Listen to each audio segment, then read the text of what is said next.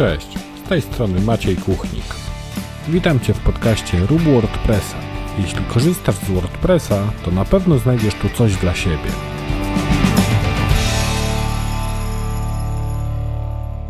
Cześć, witaj w 83. odcinku podcastu Rób WordPressa.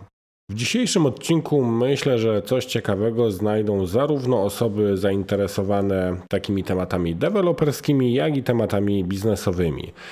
Dzisiaj w podcaście będę miał dwóch gości, Mateusza i Damiana, którzy na co dzień zajmują się tworzeniem wtyczki FiboSearch. Partnerem mojego podcastu jest marka CyberFolks, od której możecie kupić domenę bądź hosting, na którym zainstalujecie swojego WordPressa. Dla słuchaczy tego podcastu CyberFolks przygotował kod na 20% rabatu. Ten kod to podcast pisany przez C. Znajdziecie go również w notatkach do tego odcinka. Oprócz tego zapraszam Was na bloga CyberFolks, bo znajdziecie tam dużo fajnych, wartościowych artykułów, nie tylko dotyczących tematu WordPressa. A teraz zapraszam do rozmowy z Damianem i Mateuszem. To już kolejny odcinek, w którym mam dwóch rozmówców. E, proszę na początku przedstawcie się, powiedzcie kilka słów o sobie, aby moi słuchacze mogli Was poznać i dowiedzieć się, czym się zajmujecie na co dzień. E, cześć Maciej, witam. E, ja nazywam się Damian Góra. Z WordPressem mniej więcej mam do czynienia około 10 lat, także kawał czasu już z nim jestem. Przez te 10 lat byłem freelancerem, pracowałem na etacie, E, miałem małą agencję e, interaktywną. E, generalnie wszystko i tak sprowadzało się do WordPressa. W tym momencie zajmuję się tworzeniem wtyczek, konkretnie jedna, pracuję nad rozwojem jednej wtyczki, FiboSearch, a prywatnie jestem mężem i ojcem trzyletniej córeczki. Cześć, nazywam się Mateusz Czardybon i jestem programistą a zważywszy na to, czym głównie zajmowałem się przez ostatnie lata, to mogę to doprecyzować i powiedzieć, że jestem WordPress deweloperem.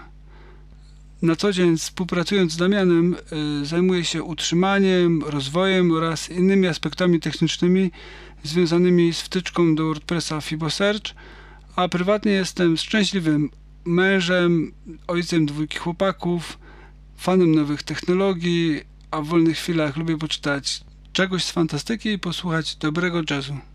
Jak się zaczęła Wasza przygoda z WordPressem? Czy zaczynaliście od takiej strony bardziej deweloperskiej, czyli dopisaliście jakiś tam kawałek kodu, może wdrożyliście WordPressa dla kogoś, czy może poznaliście WordPressa jako narzędzie, na którym zbudowaliście jakiegoś swojego bloga, swoją pierwszą stronę? Jak to się u Was zaczęło? U mnie się to zaczęło bardzo, bardzo przypadkowo.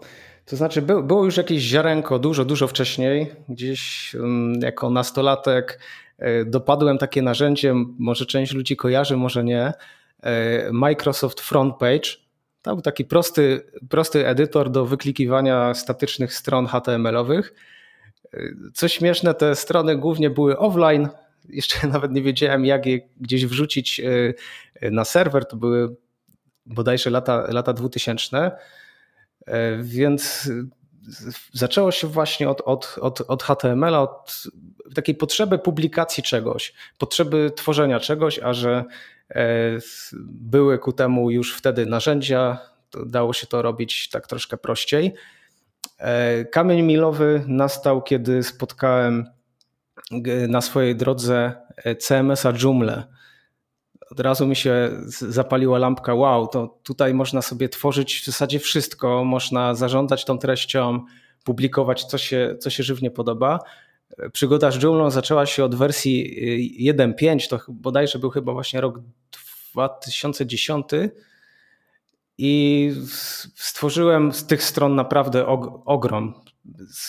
Kil, kilkanaście czy kilkadziesiąt różnych dziwnych projektów poszło w świat. E, nawet udało się na niektórych tych projektach zarabiać, podpinając reklamy AdSense i tak dalej, i tak dalej. Byłem bardzo zafascynowany e, Joomla, a z WordPressem e, wiąże się taka krótka anegdota, że kiedyś miałem, zbliżały się moje urodziny i, i, i żona, wtedy jeszcze dziewczyna, tak szukała co ewentualnie może mi ciekawego kupić na prezent.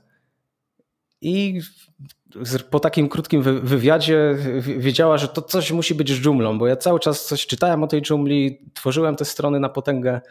No i przyszły moje urodziny, odpakowuję prezent, a tam ku mojemu zdziwieniu e, książka WordPress, tworzenie własnych motywów, czy coś takiego. Pamiętam, że na okładce była e, deskorolka i, i trampki. I, I taki slogan, który, który chyba przyciągnął żonę, jak zarabiać na własnych motywach. No i ja trochę byłem załamany, bo to, to zupełnie nowy świat. Ja to taki zapalenie dżumlowy, a tutaj nagle WordPress. Jakoś ta książka leżała kilka miesięcy. Kiedyś się y, przemogłem, otworzyłem i, i, i się okazało, że, że odkryłem coś niesamowitego, co trzyma mnie dzisiaj przy WordPressie, czyli y, filtry i, i, i akcje, generalnie hooki. Jak to odkryłem, to, to, to po prostu wszystko się zmieniło. Y, można było się wcinać w różne miejsca, zmieniać y, coś z zewnątrz. W dżungli tego nie było, przynajmniej ja tego nie potrafiłem odkryć. I, i później sukcesywnie przepisywałem te wszystkie strony z dżungli na WordPressa i tak z WordPressem zostałem tak naprawdę do dzisiaj. Po drodze, tak jak wcześniej wspomniałem, było dużo przygód WordPressowych. E, finalnie wylądowałem na tworzeniu własnych wtyczek i, i, i rozkręcaniu biznesu wtyczkowego. Ja do, ja do WordPressa trafiłem hmm, na pewno nie od strony blogowania i pisania własnych treści, mm, raczej od tej strony programistycznej. Z tego co pamiętam, to zaczęło się to chyba dosyć tak niewinnie. Bo w zamierzchłych czasach byłem lokalnym dostawcą internetu i potrzebowałem sobie zrobić stronę. I z tego co pamiętam, to było chyba właśnie pierwsza wersja była na Joomla, ale jako, że, że wspomniałem, jestem takim y, trochę fanem nowych technologii i, i, i, i takich nowych rozwiązań, to, to szukałem e, a to jest zresztą, mam taką, do, do dzisiaj mam takie, takie coś, że, że, że zawsze szukam jakiegoś mm, najlepszego narzędzia, żeby zrobić daną rzecz. I, i, I do dzisiaj mam listę rzeczy, które chciałbym po prostu na komputerze czy, czy w telefonie usprawnić jakimś fajnym narzędziem. No i szukałem takiego narzędzia, które, które by mi pomogło zrobić tą stronę mm, dla moich klientów. I, I, pamiętam, była taka strona CM, CMS Matrix chyba. I tam, było, tam można było wybrać mm, różne, różne CMS-y, porównać, pofiltrować, sprawdzić, jakie, jakie, są, jak, jak jest, jakie mają możliwości, jakie funkcje. No i testowałem jakieś różne e, PHP Nuke, e, Xups, chyba był też taki CMS, aż w końcu jakoś tak trafiłem na, na WordPressa. No i Wiem, że go zacząłem trochę używać, ale jakoś tak e, krótko potem e, trafiła się potrzeba, że, że kolega potrzebował stronę fotograf na, na, na zrobić swoją stronę firmową. No i, i mu to zrobić na tym WordPressie. No i potem już było, potem już było chyba z górki. Zaczęło się tych y, znajomych pojawiać więcej, jakieś, jakieś y, pierwsze zlecenia takie dla ludzi, którzy, którzy, których w ogóle nie znałem w końcu po, po, po niedługim czasie wylądowałem w agencji Software House w zasadzie.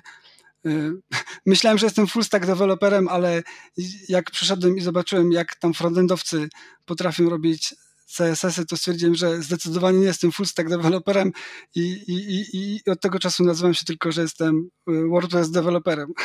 No i tak zostało do, do, do, do, do całkiem niedawna, bo przesiedziałem tam ileś lat, chyba siedem, nawet więcej, yy, aż w końcu stopniowo, krok po kroku, yy, jakby rozszerzałem współpracę z Damianem, no i, i dzisiaj, dzisiaj jestem yy, z nim razem na pokładzie i robimy, robimy nasz, naszą wtyczkę.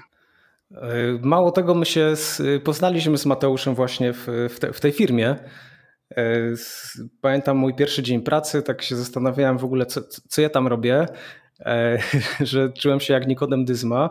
E, no ale dzięki Mateuszowi po prostu się nauczyłem takich, takich e, magicznych rzeczy WordPressowych, że głowa mała. Więc dwa lata gdzieś przepracowałem razem z Mateuszem właśnie w tej firmie i gdzieś sukcesywnie trwała taka trans, transformacja z, z etatu na, na, na własny biznes, własną działalność. To, to trwało bardzo długo. I tak się udało, że, że razem teraz z Mateuszem y, rozwijamy jedną wtyczkę. w pełnym wymiarze godzin.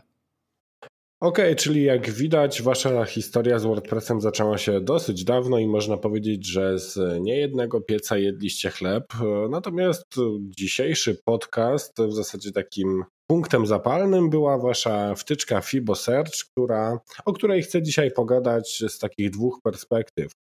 I z perspektywy deweloperskiej, czyli jak to jest zrobione od strony programistycznej i czemu ta wasza wtyczka jest e, lepsza niż domyślna wyszukiwarka. E, no i trochę ze strony biznesowej, czyli o tym, jak to wszystko wygląda i czy to jest e, faktycznie taki super prosty biznes, że robię wtyczkę, sprzedaję i generalnie niczym się nie muszę przejmować. Więc jeśli moglibyście przybliżyć słuchaczom, czym ten FiboSearch w ogóle jest? Okej. Okay. FiboSearch to jest po prostu wtyczka do WordPressa dedykowana do sklepów E, WooCommerce, e, ona robi jedną rzecz. Zastępuje, czy pozwala zastąpić natywne wyszukiwanie WooCommerce'owe, które zaraz powiem dlaczego jest dosyć słabe i e, aktywuje troszkę inną wyszukiwarkę, w której można wpisywać frazę i w, w, czasie rzeczywistym podczas wpisywania frazy pojawiają się podpowiedzi. Mało tego, jak najedziemy sobie kursorem na podpowiedź, to możemy wyświetlić taki quick, quick view, Y, ze szczegółami na przykład produktu od razu dodać do koszyka z tego miejsca, czyli, czyli wtyczka pozwala skracać czas y, y, dotarcia do, do dodania czegoś do koszyka i generalnie sfinalizowania zakupu. Aktualnie roz, rozkręciła się jak taka kula śniegu.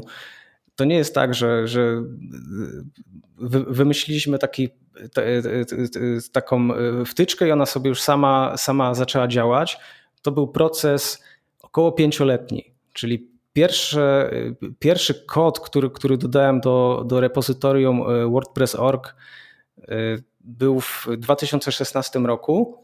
I to było takie jedno ziarenko, jak, jak nie wiem, wiewiórka zakopuje gdzieś żołędzie i, i czasami o, o nim zapomni i coś z tego wyrośnie to właśnie tak, tak było z tą wtyczką. Gdzieś po roku, po dwóch się zorientowałem, że tam, jest, że tam można e, zrobić dobry biznes na tym, że to jest świetne, świetny zaczyn, żeby, żeby coś na tym e, faktycznie konkretnego zbudować. I w tym momencie mamy 100 tysięcy aktywnych instalacji wtyczki e, wersji free i bardzo dużo klientów w wersji pro. A wracając jeszcze do wyszukiwarki WooCommerce'owej, no tam nie ma tej opcji, żeby pokazywać podpowiedzi w czasie rzeczywistym. Trzeba po prostu kliknąć tam Enter czy, czy Submit tego formularza i zostajemy przekierowani na stronę wyników wyszukiwania. To jest jakby jedna wada, bo z, z Instytutu Bajmarda z, wynika, że 90 bodajże 6% wszystkich takich topowych e-commerce'ów E, na świecie korzysta jednak z tych podpowiedzi, a WooCommerce tego nie, nie dostarcza, więc tutaj z, udało się znaleźć tą niszę, którą, którą my zaspokojamy. Oczywiście nie jesteśmy jedyni, jest też konkurencja i bardzo dobrze. Możemy widzieć, jak się mniej więcej ta wąska gałąź rozwija. Mm, i w, I w tym momencie pracujemy głównie nad tym, żeby móc się skalować jeszcze dalej, bo osiągnęliśmy pewien sufit, o którym pewnie później, później e, powiemy troszkę ze szczegółami. I teraz pracujemy z Mateuszem i, i z całym zespołem nad tym, żeby, żeby iść jeszcze krok dalej. E, okej, okay. wspomniałeś tutaj też o tym, że e, jest wersja taka w repozytorium, no ale jest też wersja Pro. I jakie tutaj są różnice? Czy, czy ta wersja darmowa daje nam już możliwość, e, powiedzmy, takiego wyszukiwania produktów, o którym wspomniałeś, czy ma jakieś mocniejsze ograniczenie w stosunku do, do tej wersji Pro? Różni się diametralnie. To znaczy od strony frontendu w zasadzie nie różni się w ogóle. To są dwie takie same wtyczki, ale różni się silnikiem wyszukiwawczym. Bo gdzie jest, gdzie jest problem? Oczywiście wtyczka free zaspokaja spokojnie większość sklepów do, do, nie wiem, do 500 produktów z takim średnim hostingiem. E, działa wszystko sprawnie i szybko i naprawdę nie ma potrzeby, żeby, żeby, żeby e, e, przenosić się do, do tej wersji Pro. I tutaj właśnie jest biznes, no ale czasami jest taka potrzeba, bo co jest problemem w e-commerce i, i generalnie w wyszukiwaniu informacji w, na WordPressie? Problemem jest szybkość. Czyli spójrzmy na to z tej strony, że e, żeby wysłać zapytanie o wyniki wyszukiwania, to musimy tak, odpytać e, admin Ajax PHP, e, tam się inicjuje cały WordPress z wszystkimi wtyczkami, z całym motywem, z wszystkimi dziwnymi rzeczami, które te wtyczki robią, jakimiś SQL-ami niepotrzebnymi i tak dalej. Doskonale wiemy, jak, jak, jak, jak na przykład jakiś jakaś zepsuta wtyczka albo jakiś kombajnowy motyw może tutaj popsuć e, szybkość. Później robimy sobie zapytania do, do bazy danych z, z WP Query po wyniki wyszukiwania i zwracamy. I teraz tak, wyniki wyszukiwania trwały 2% czasu, a 98% czasu trwało wszystko dookoła. To jest bez sensu.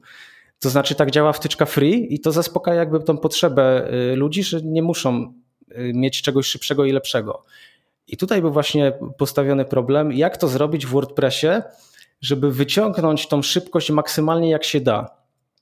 I, i to, jest, to jest nasz taki key feature, to jest coś, co udało się nam ociągnąć, i, i w tym momencie yy, użytkownicy i klienci to bardzo doceniają.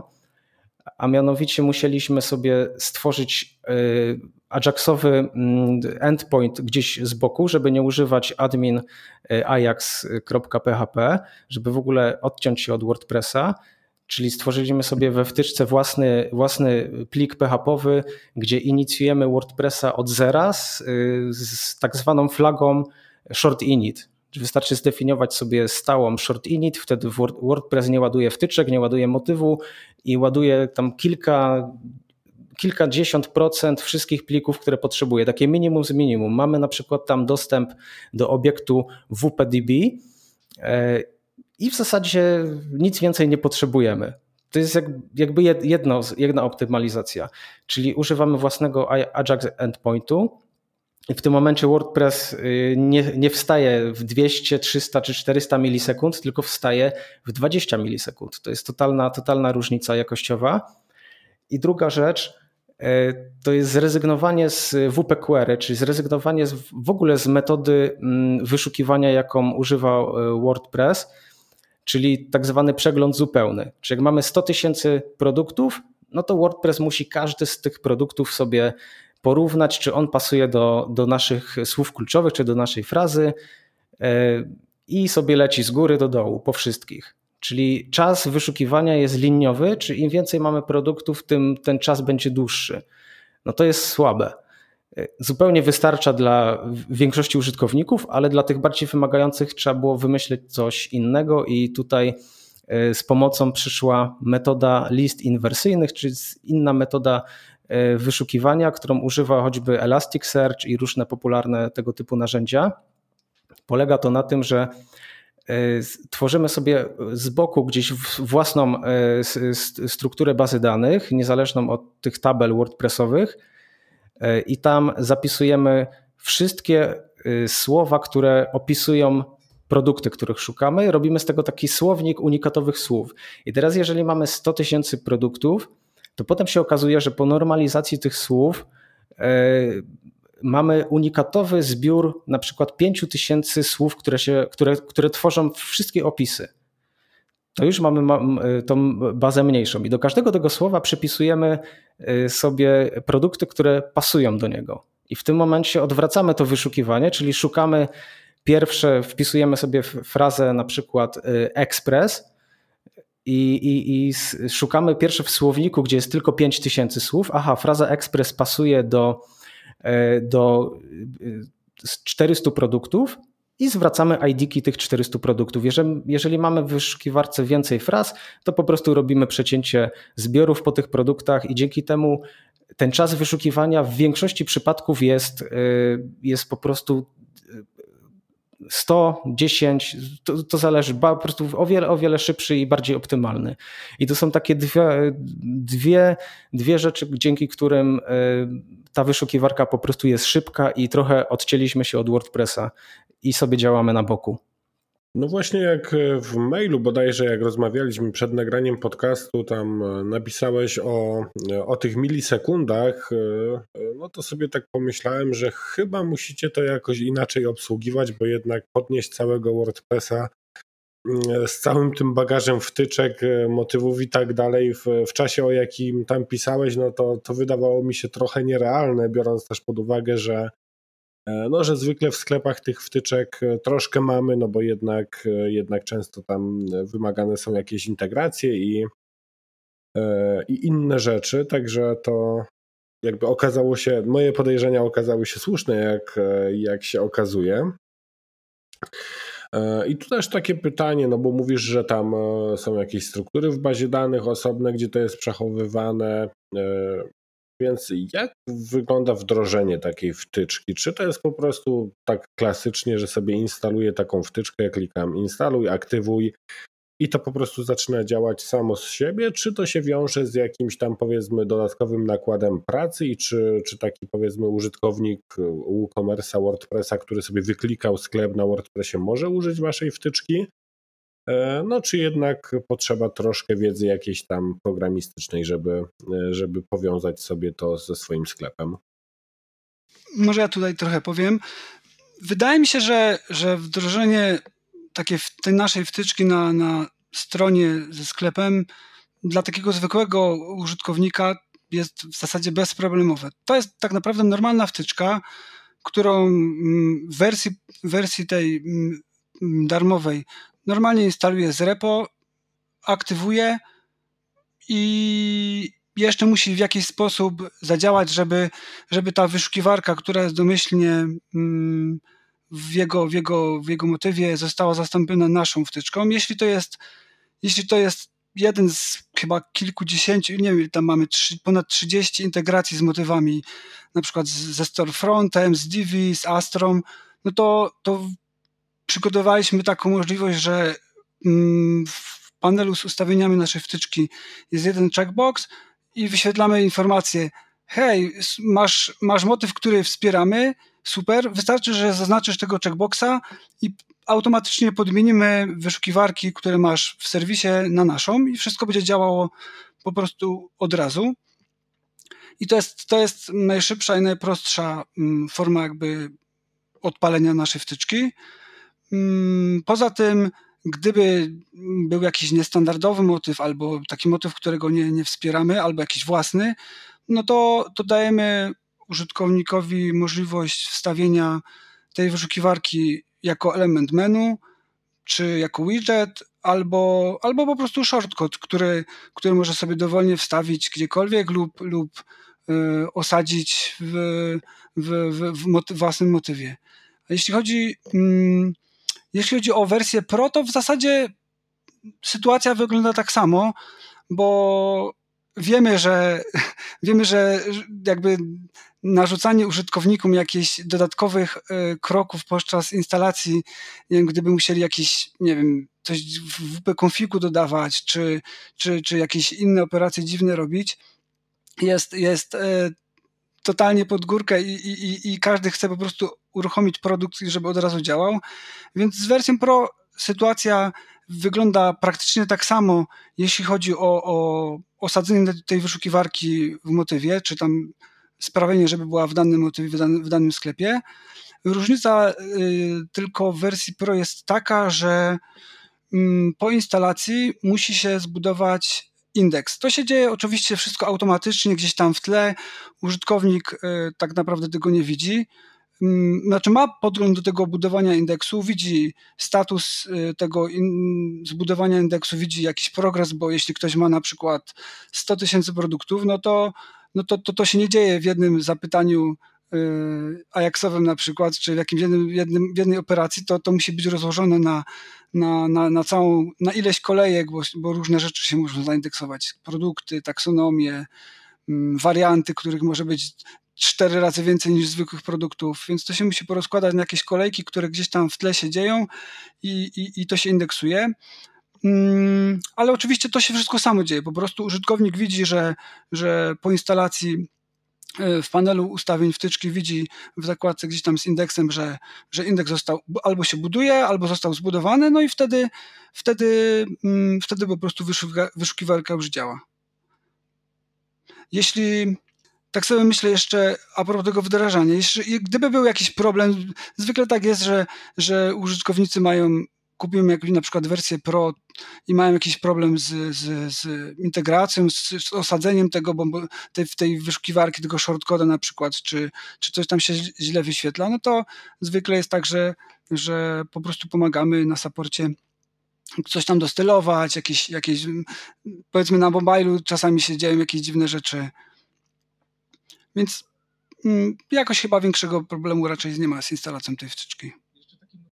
Jeszcze takim kamieniem milowym y, przy integracji y, było dodanie możliwości osadzenia y, przez, przez menu WordPressowe.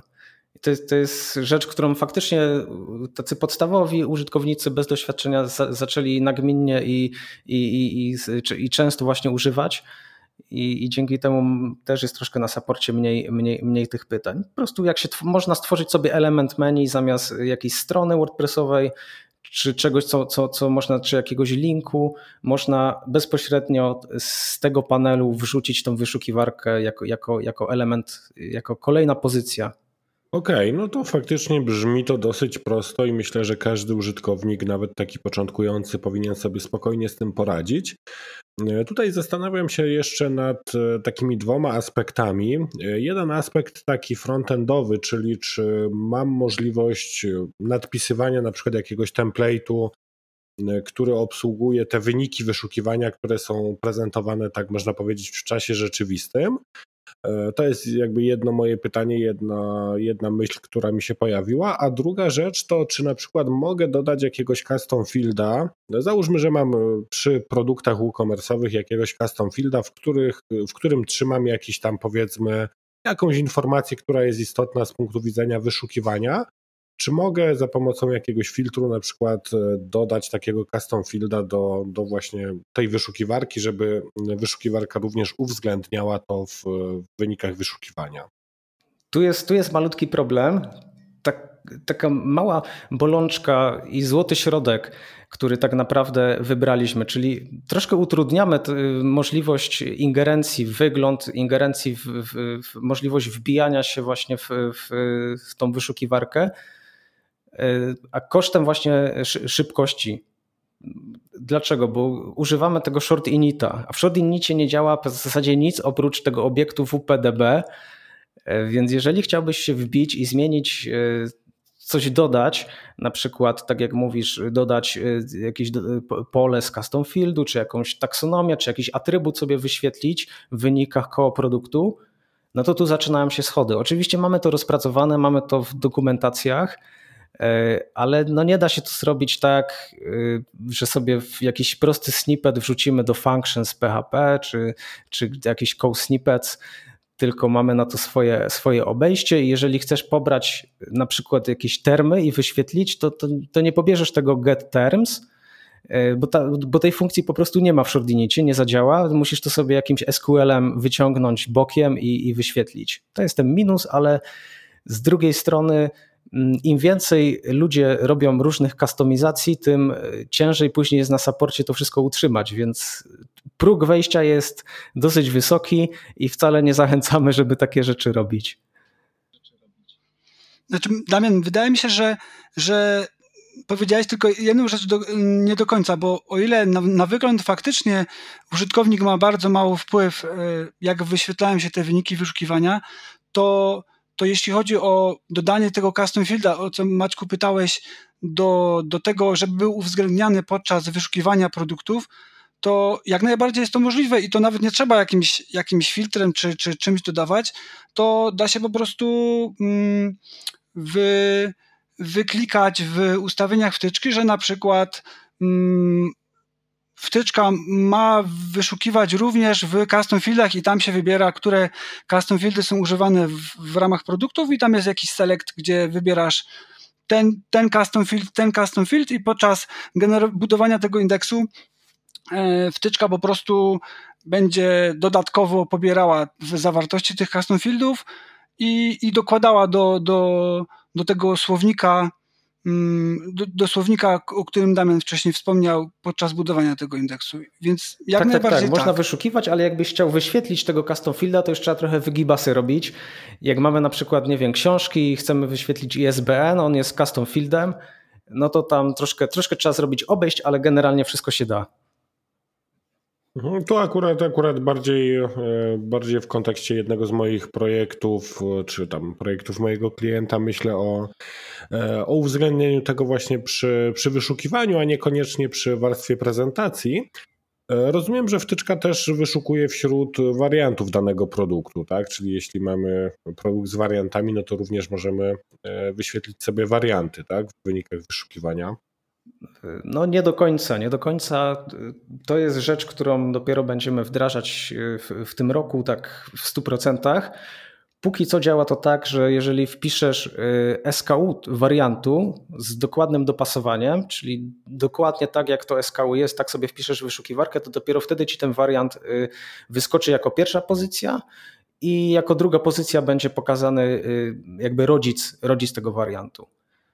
Y, finalnie dążymy do tego, żeby po prostu można było szukać y, po wariantach tak samo jak, jak, jak po produktach, y, ale to jest, to jest grubszy temat, trzeba po prostu się zintegrować też z wtyczkami. WooCommerce tego domyślnie nie robi, czyli jak korzystasz z wyszukiwarki WooCommerce'a, to tych wariantów nie widzisz, chyba że sobie jakąś wtyczkę, która to zapewnia, zainstalujesz. No i my tego póki co jeszcze tak w 100% nie wspieramy, ale daliśmy klientom możliwość, że na przykład jak masz jakieś numery y, części samochodowych, to często ludzie z katalogów wpisują dokładne SKU tego wariantu, czy dokładny numer i wtedy faktycznie jest możliwość, że, że zobaczy ten, ten wariant bezpośrednio jako podpowiedź w wyszukiwarce. Ale to jest, to jest dopiero początek. No tu właśnie zapytałem o to, bo, bo też w, w tym projekcie, o którym wspomniałem, mam taki case, że, że jest sporo produktów takich wariantowych e, i też często to są akurat kosmetyki. Tam na przykład często frazą wpisywaną jest kolor jakiegoś tam pudru czy, czy innego, e, innego produktu. E, no w tym momencie to powiedzmy e, zrobiłem w taki sposób, że generuję sobie jakiś tam string zawierający nazwy wszystkich wariantów i on jest włączany po prostu do, do wyszukiwania w, w WooCommerce, chociaż to tak jak mówisz nie jest to takie proste do, e, do ogarnięcia przy tej strukturze, którą obecnie WooCommerce ma i no jest tam sporo jakichś ograniczeń. No ale z tego co mówicie, przede wszystkim ta szybkość i, i to, że możemy faktycznie te wyniki dostawać niemalże w czasie rzeczywistym, no to na pewno jest to taki e, killer feature waszej wtyczki. E, także bardzo, bardzo fajnie. Mówiłeś, że e, bodajże od pięciu lat gdzieś rozwijacie tą wtyczkę, tak?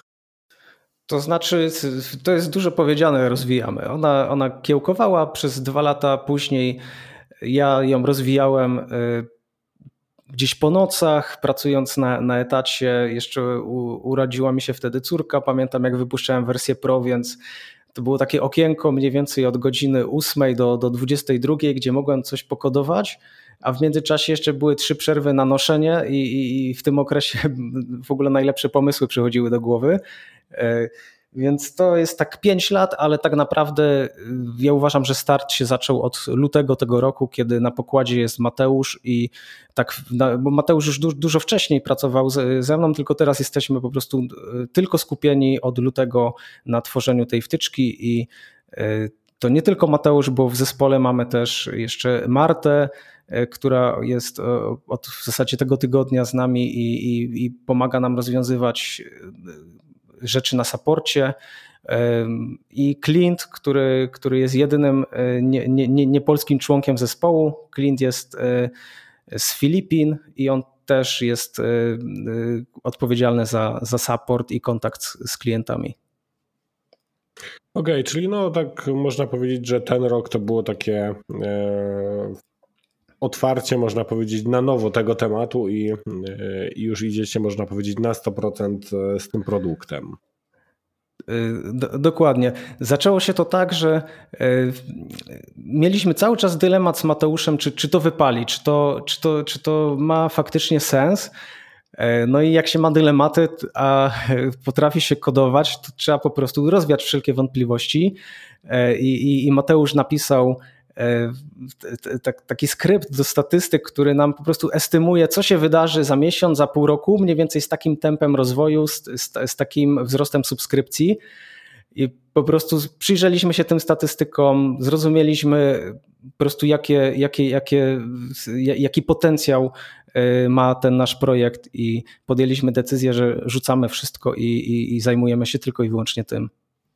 Znaczy tam to tak naprawdę nie było jakiejś specjalnej chyba analizy, analizy tych statystyk, bo, bo jak te statystyki zaczęły się rysować, y, no to jeszcze tak to tam zrobiłem, że było na zielono, jak był, jak był przyrost, a, a, a na czerwono jak był, ubywało subskrypcji.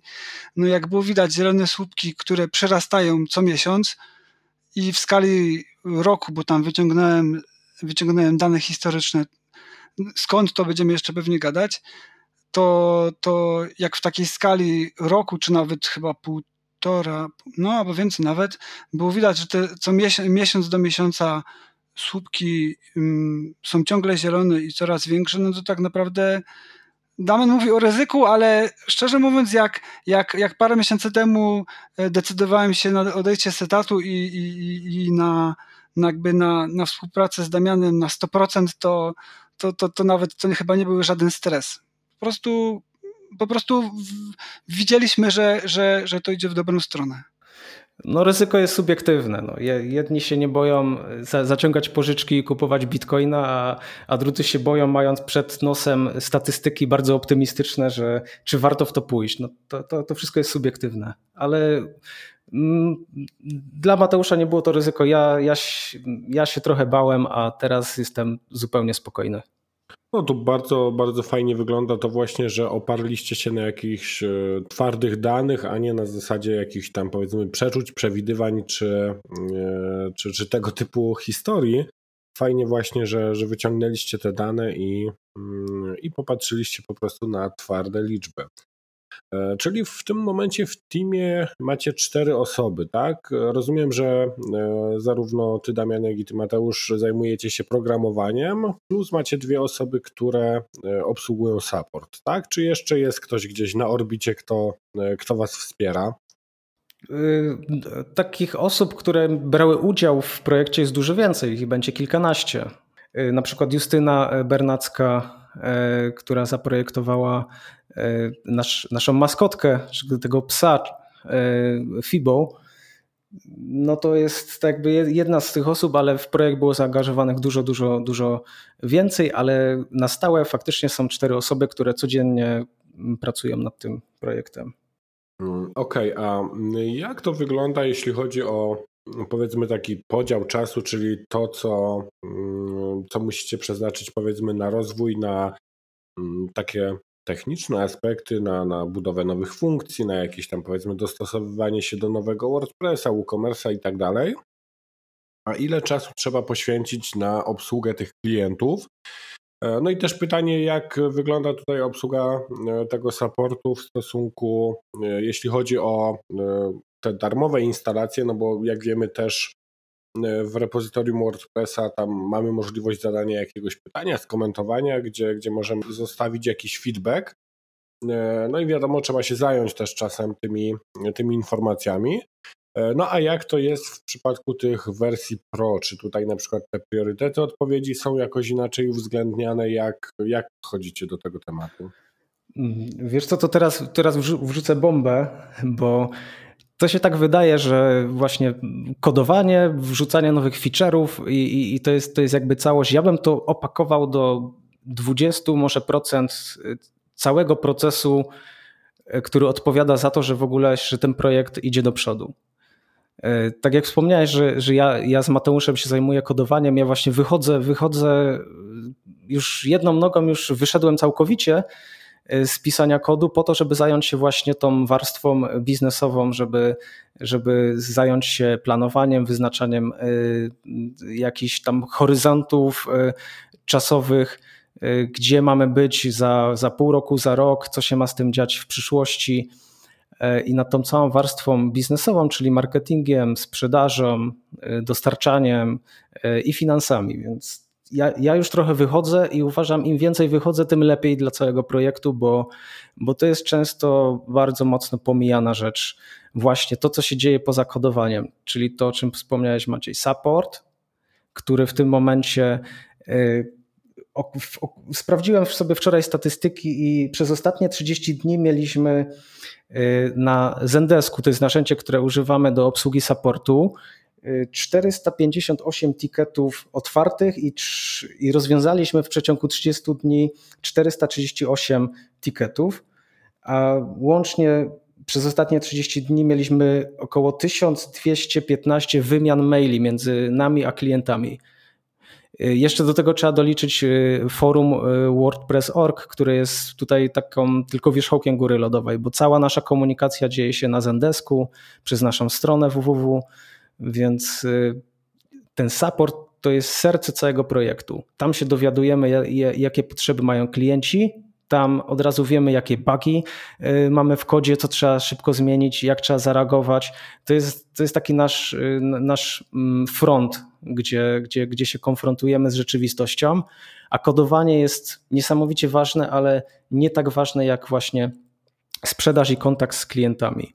Bo można coś sprzedać nie mając produktu. Można coś obiecać, coś sprzedać i kiedyś to dostarczyć. A jeżeli się nie sprzedaje, to w tym momencie to nie jest biznes. Nie, nie, ma sensu, nie ma sensu nic tworzyć, jeżeli się nie wie, jak to sprzedać. Więc ta warstwa poza kodowaniem jest bardzo, bardzo duża i ona, jej, jej waga rośnie z czasem. No fajnie właśnie, że tutaj poruszasz e, taki temat, bo wydaje mi się, że, że gdzieś tam w środowisku e, osób związanych z WordPressem, ale na przykład e, nie robiących nic w stylu właśnie jakichś swoich, swoich produktów, czy to wtyczek, czy motywów, to wygląda jak trochę taka ziemia obiecana, nie? Czyli programujesz wtyczkę, wypuszczasz ją do sprzedaży i potem tylko liczysz kasę, ile tam wpada e, codziennie z tych zakupów, które po prostu się automatycznie dzieją. E, no a z tego, co, co ty mówisz, zresztą Kuba Mikita, e, który opowiadał też o, o swoich wtyczkach, o, o, o pracy w podobny sposób, no też zwracam tam uwagę, że, że tak naprawdę to, co się dzieje dookoła tworzenia jest, jest chyba e, największym wyzwaniem, żeby te wszystkie procesy obsłużyć, e, a samo programowanie no to jest jakiś tam powiedzmy mm, niewielki kawałek całej tej układanki. E, tutaj jeszcze mówiłeś o, o, tych aspektach biznesowych. Jeszcze przyszło mi takie pytanie, aby dopytać Cię o to, w jakiej formie prawnej funkcjonujecie. Czy to jest jakaś jednoosobowa działalność, jakaś spółka w Polsce, czy może za granicą? E, dopiero się stworzymy, tak naprawdę, tak, żeby to miało ręce i nogi póki co jest to, jest to y, działalność gospodarcza, ale, ale będzie, będzie z tego spółka. To są jakieś kwestie y, głównie podatkowe, optymalizacji podatkowej i róż, różnych innych. Nie mam jeszcze takich super informacji. Y, chętnie, jak ktoś jest w stanie nam doradzić, to, to, to chętnie takie porady przyjmę bo do końca jeszcze nie wiemy. Jeszcze, jeszcze się nie, nie radziliśmy, co zrobić, żeby to, żeby to było dobrze i, i żeby to było zoptymalizowane. No właśnie, Kuba Mikita bodajże w dziewiątym odcinku podcastu opowiadał o tym, jakie oni tam problemy przechodzili, bo tam e, akurat sprzedaż do, do chyba innych państw Unii Europejskiej też się wiąże z jakimiś tam właśnie takimi wyzwaniami powiedzmy podatkowymi i, jest tam jakiegoś zamieszania trochę z tym, ale oni jakoś to ogarnęli, także możesz posłuchać tego dziewiątego odcinka, może coś tam wyciągniesz. Aha, to mówisz, mówisz o czymś takim. To, to tutaj to mamy rozwiązane bardzo prosto, dlatego, dlatego może nie myślimy jeszcze aż tak bardzo o tej optymalizacji, bo my korzystamy z Freemiusa.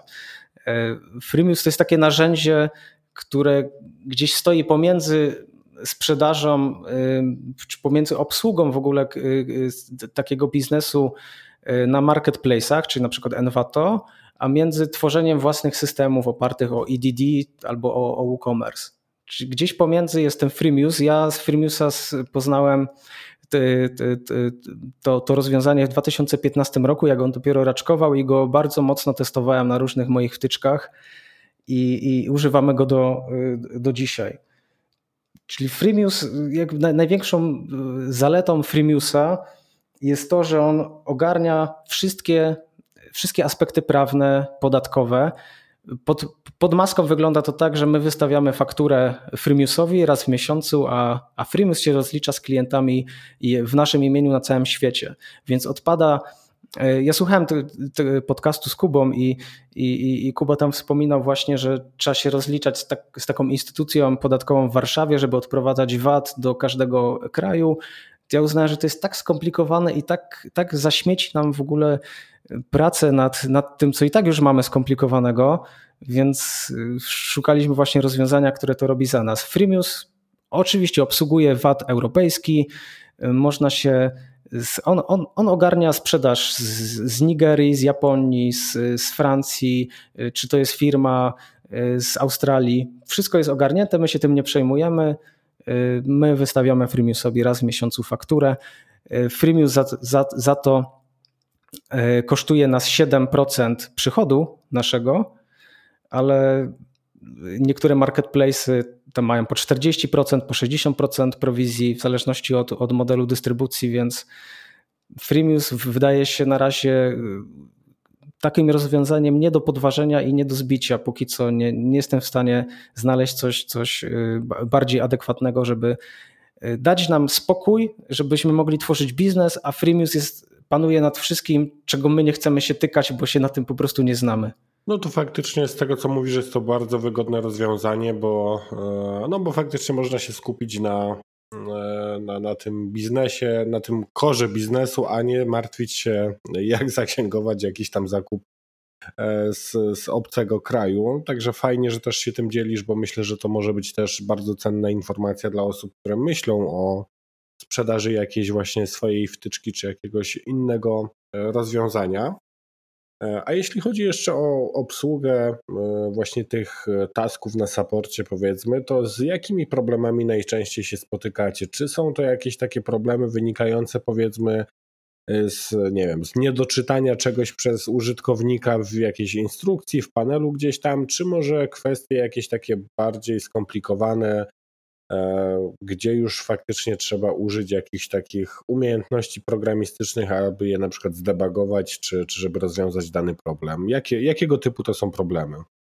Wydaje mi się, że problemy różnią się od, od tego, e, z jakiej wersji korzystają użytkownicy.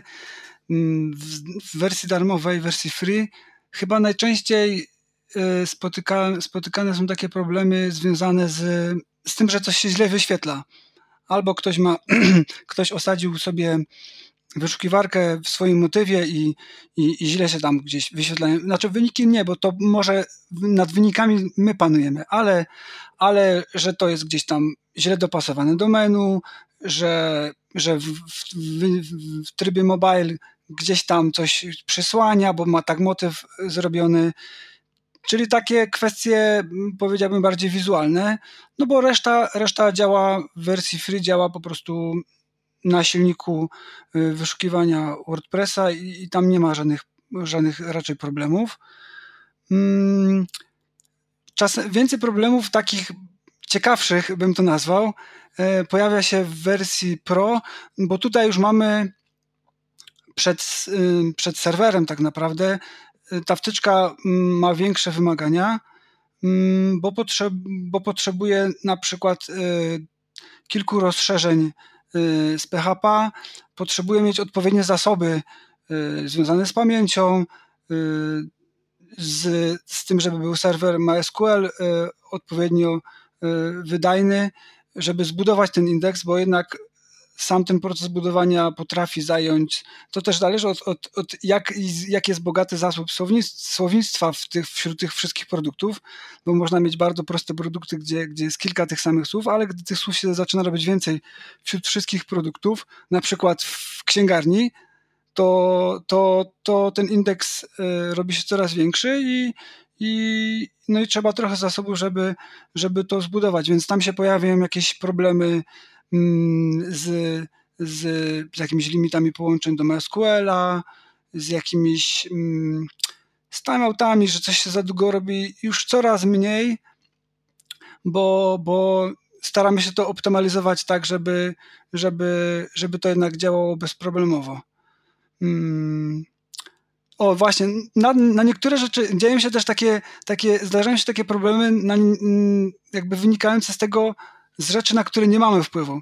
Na przykład y, nasza wtyczka jest e, wyszukiwarką, która, która zastępuje tą domyślną, czy, czy, czy jest tą najważniejszą na, w danym serwisie i, i podpowiada wyniki w momencie pisania. I to jest jakby główna funkcjonalność. Ale mm, po, po submicie, po, po wciśnięciu tej lubki w, przy, przy, w tej naszej wyszukiwarce, przechodzimy na stronę z wynikami wyszukiwania i to to, w jaki sposób mm, te wyniki są prezentowane, tak naprawdę nie zależy już w ogóle od, od, naszej wtyczki, czego często klienci nie rozumieją, bo nasza wtyczka wpływa jedynie na, na to, co tam się wyświetla, no bo skoro w wynikach, e, skoro w, jakby w tej wyszukiwarce mm, ktoś wyszukał nie wiem, w jakichś, w jakichś dodatkowych polach, czy w SKU jakieś, jakieś produkty, których było na przykład 10, i przechodzi na stronę z wynikami wyszukiwania, to spodziewa się, że, że zobaczy tam te 10 produktów, które zostały mu podpowiedziane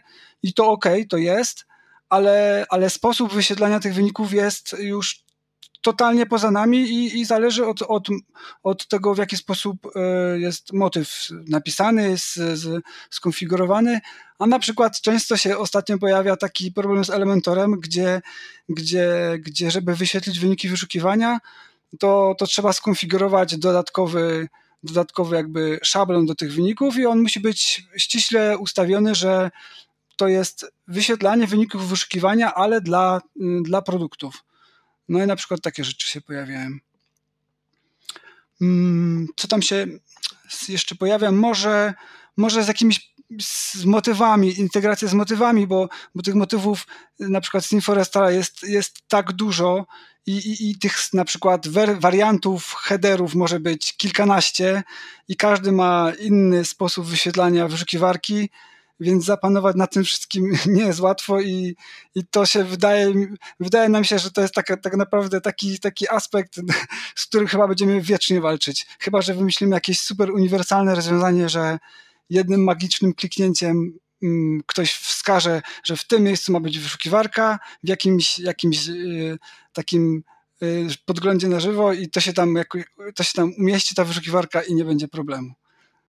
No dokładnie. Pytanie jeszcze jest, y, bo te problemy się cały czas pojawiają razem z rozwojem skali.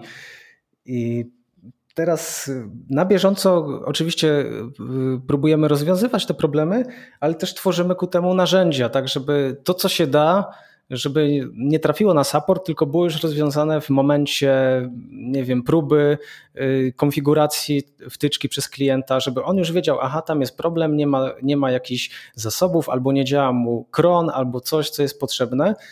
I, i to pozwala nam trochę na tym saporcie oddychać. Pewnie Mateusz coś więcej powie za, za chwilę o tych narzędziach. Co, co zrobiliśmy, żeby, żeby klient faktycznie nie trafił do supportu? Ja tylko powiem, że to, że mamy jakieś tikety na saporcie, to wcale nie jest takie złe. Ja na początku myślałem, aha, jest ticket, no to już, już mnie głowa bolała, że znowu muszę jakieś problemy rozwiązywać, a, a, a nie tworzyć nowe feature'y. E, teraz zupełnie inaczej na to patrzę. Jest ticket, to znaczy, że jest okazja, żeby poznać e, klienta, poznać jego problem, pomóc mu w czymś, a on się później odwdzięczy. Może nas polecić, może mieć z nami jakieś miłe wspomnienia, więc może nam dać y, jakiś komentarz, y, y, review i tak dalej, więc ten support, to, że do nas nie dociera, to nie, że my nie chcemy, tylko my aktualnie nie jesteśmy w, sta w stanie się aż tak zeskalować na tym supporcie, ale większość rzeczy chcielibyśmy rozwiązać tak, że klient jednak do nas dotrze, ale my rozwiążemy to jednym kliknięciem, czy jednym tam wysłaniem jakiejś informacji i, i, i on już będzie zadowolony.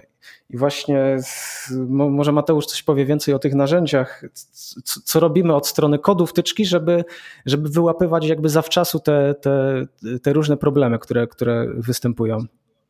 Znaczy, zanim jeszcze do kodu przejdziemy, to, to mm, pierwszą linią frontu jest, jest dokumentacja i, i którą, którą Damian w pocie czoła y, jakiś czas temu tworzył i jak ktoś pisał, pisał dokumentację y, w swojej pracy, to, to, to wyobraża sobie, jakie to jest niefajne, niefajne zadanie, y, mając, mając jakby świadomość, że w tym czasie można by było kodować.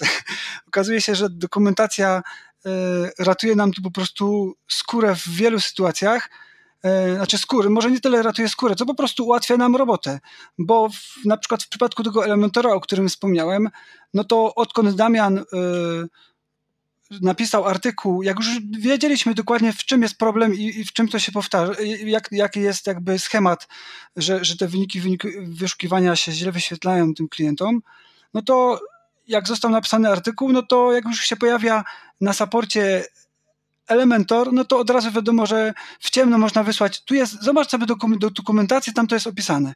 I taki, taki ticket już po prostu nie wraca.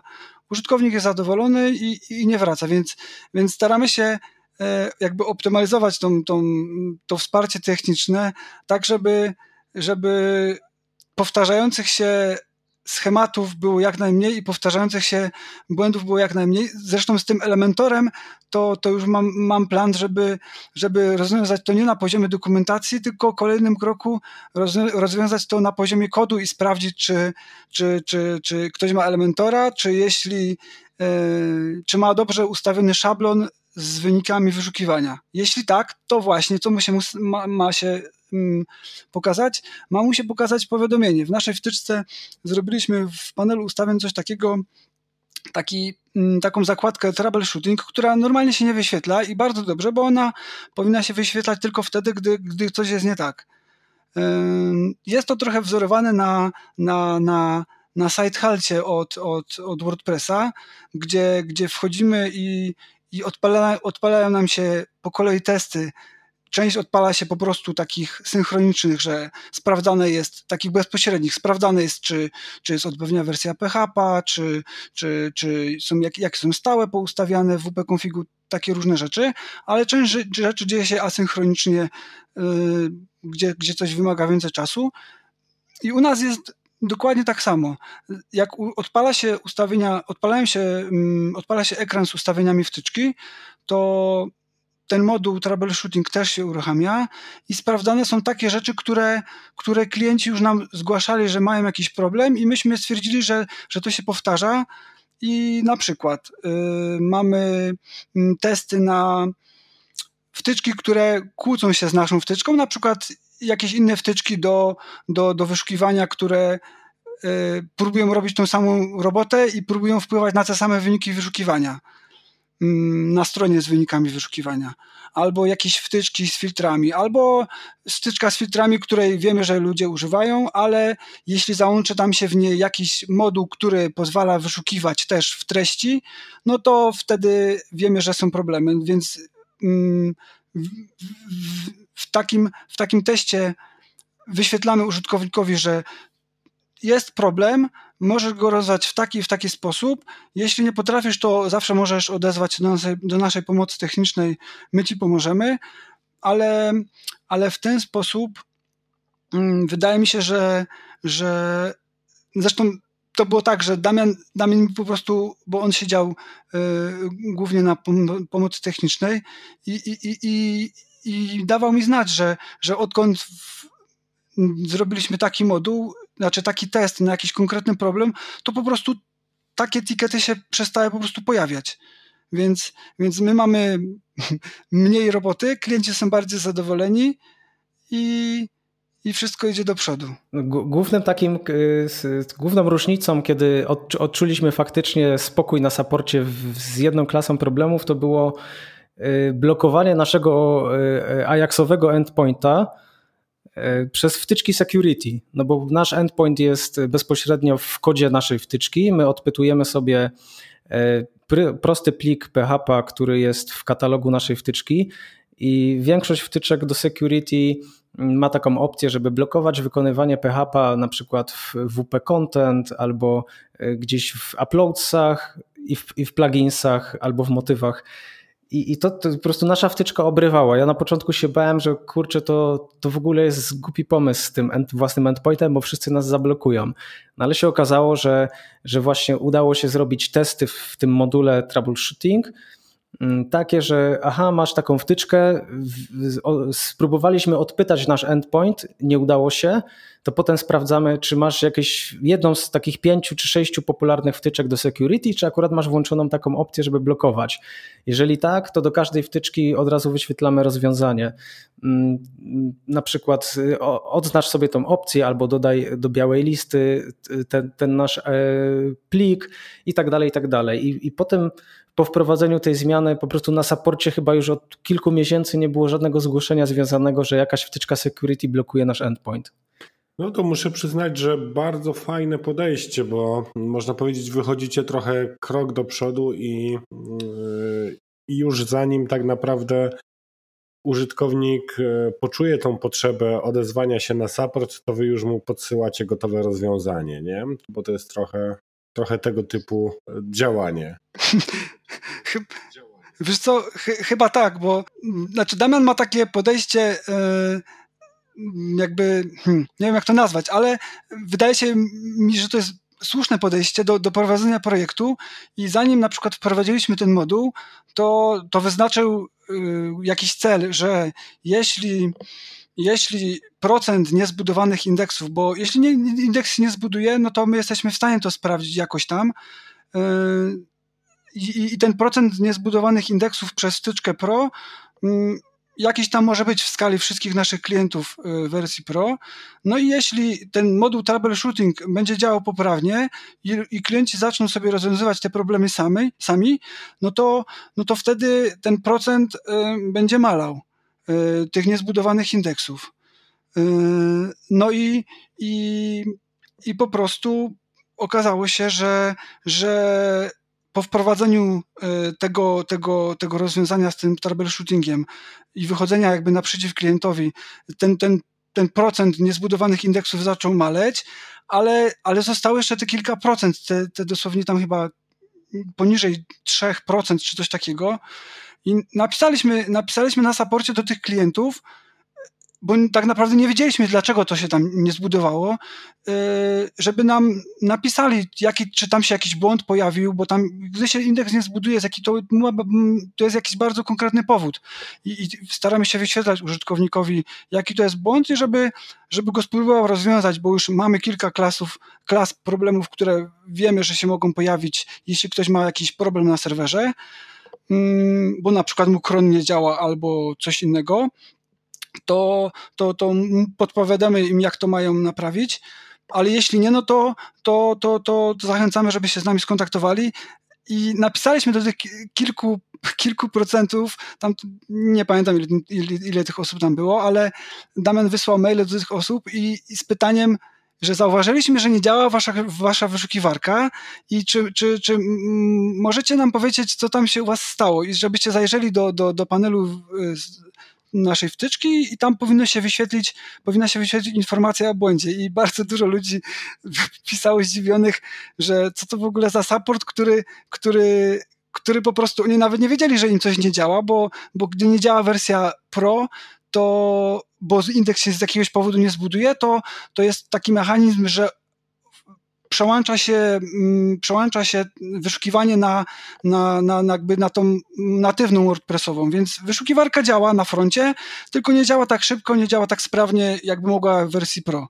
Więc oni nawet nie zauważyli, że im ten, ta wyszukiwarka nie działa tak, jak powinna w wersji Pro tak szybko, bo, bo, bo po prostu działała, ale, ale myśmy do nich napisali, zapytali się, jaki mają problem i, i, i nawet z takich przypadków wyciągnęliśmy ostatnio kilka, kilka fajnych wniosków i, i znowu wdrożyliśmy je w ramach modułu troubleshooting, żeby, żeby gdy się pojawi ta klasa problemów, to by, żeby ci klienci zareagowali w ten czy w tamten sposób, naprawiając sobie sami swoje WordPressy, bo okazało się, że naprawialiśmy tak naprawdę nie problemy z naszą wtyczką, tylko naprawialiśmy WordPressy klientów bo mieli problem z Kronem, z bazą danych, jakieś dziwne z, z, na poziomie serwera, coś tam było blokowane i takie typu historie.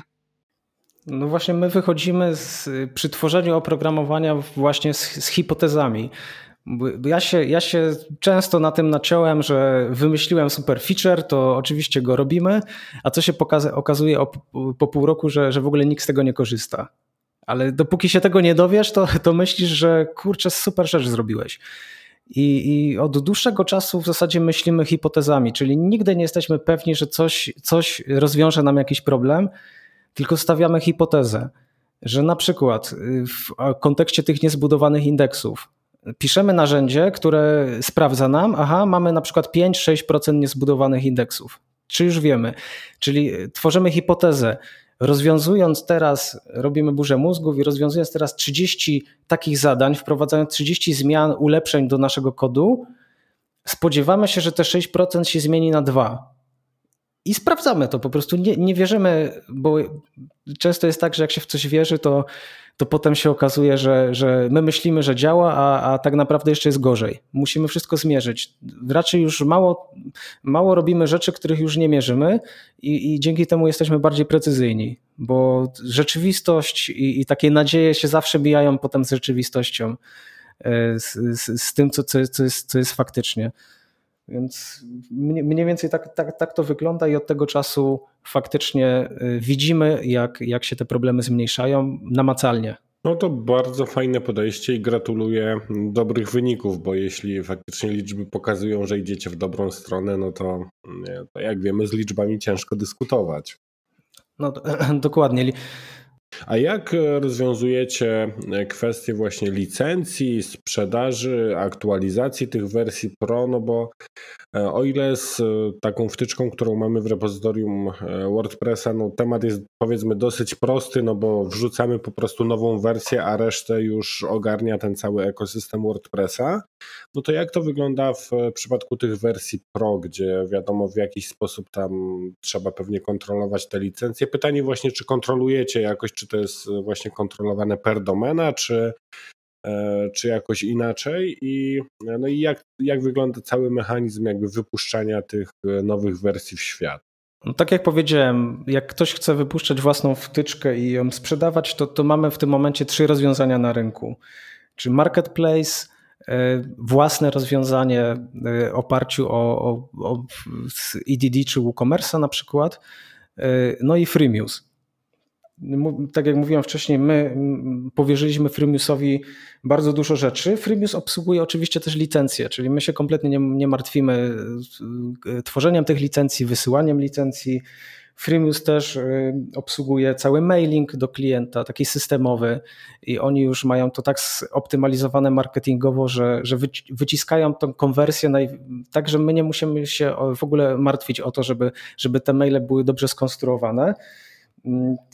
Dbają też o automatyczne odnowienia. Freemius jest zintegrowany ze Stripe'em i z PayPalem mm, i my nie musimy się martwić, że ktoś y, za rok nie będzie wiedział, jak odnowić y, wtyczki, bo y, te, te odnowienia są automatyczne, czyli jeżeli jesteś subskrybentem, to automatycznie Freemius zadba o to, żeby pobierana była opłata co roku. Jeżeli ktoś się na to nie zgadza, nie chce, to zawsze może z takiej subskrypcji się wypisać, wtedy jego konto nie będzie obciążone. Freemius to też y, y, deployment cały, czyli y, Freemius pozwala nam pisać kod jakby w jednym repozytorium, zarówno wersję free, jak i pro. I później my sobie tylko oznaczamy, jakie fragmenty kodu, czy jakie metody, czy jakie klasy mają się znaleźć w wersji Pro czy jakie nawet pliki mają się z wersji free usunąć. My sobie to taką specjalną konwencją, którą Freemius udostępnił, e, wykorzystujemy i później e, Freemius udostępnia nam narzędzie, że my możemy e, takiego zipka sobie rozbić na dwie części i mamy pięknie część pro, część free, wszystko jest wydzielone, a tak naprawdę utrzymujemy tylko jedno, jedno repozytorium. Mm, no i przede wszystkim jeszcze te kwestie podatkowe. W ogóle się nie martwimy podatkami. Freemius ogarnia VAT europejski, jest zarejestrowany jako, jako podmiot też w Unii Europejskiej, więc jeżeli ktoś chce mieć y, ten VAT nie podlega z tym odwrotnym obciążeniem, to to Freemius wystawi taką fakturę po prostu i nie ma, nie ma z tym problemu. Więc to jakby od strony biznesowej tyle rzeczy nam Freemius rozwiązuje, że nie, nie, nie, widzę w tym momencie jakby innego narzędzia na, na horyzoncie. To i tak jest tylko jakiś mały procent rzeczy, o których wspomniałem. Tego jest dużo, dużo, dużo więcej. Choćby panel klienta, y, choćby y, porzucone koszyki, Freemius ma mechanizm, że jak ktoś jest na naszym checkoutie, y, to później mu wysyła maile i tak dalej. Tych narzędzi po prostu takich wspomagających biznes jest tak dużo, że warto podzielić się 7% dochodów, żeby E, odciąć taką całą gałąź rzeczy, których po prostu nie, nie, nie lubimy się zajmować. Ale Freemius to też od strony, od strony technicznej, to pewnie Mateusz coś więcej powie, bo e, zapisuje Freemius tak dużo danych, że my możemy z tymi danymi zrobić po prostu magiczne rzeczy. To 7% to jest jedyny koszt? Tak, tak, tak, na, tak naprawdę jest, jest y, do 5000 y, dolarów jest troszkę inny ten przelicznik, ale jak jeżeli już zarabiasz powyżej 5000 y, łącznie, czyli suma wszystkich przychodów jest we Freemiusie powyżej 5000, to jest to 7%.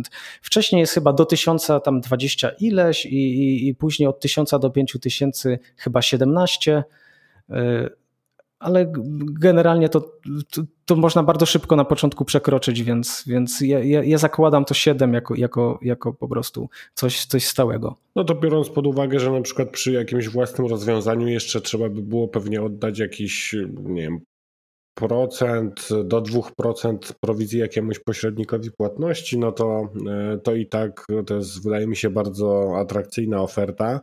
E, no bo tak jak mówisz, e, Freemius bierze na swoje barki bardzo, bardzo dużą część e, tego, tego wszystkiego, co dzieje się w oku sprzedaży.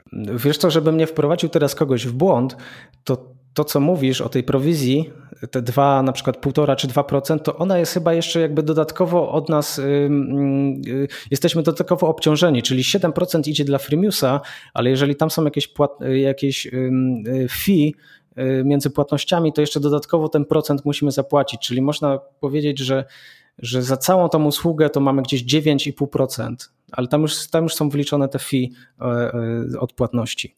Mhm, no ale to, to i, tak, i tak wydaje mi się, że jest to, e, jest to sensowny prowizja, nie tak jak w przypadku marketplace'ów, gdzie to jest często pół na pół.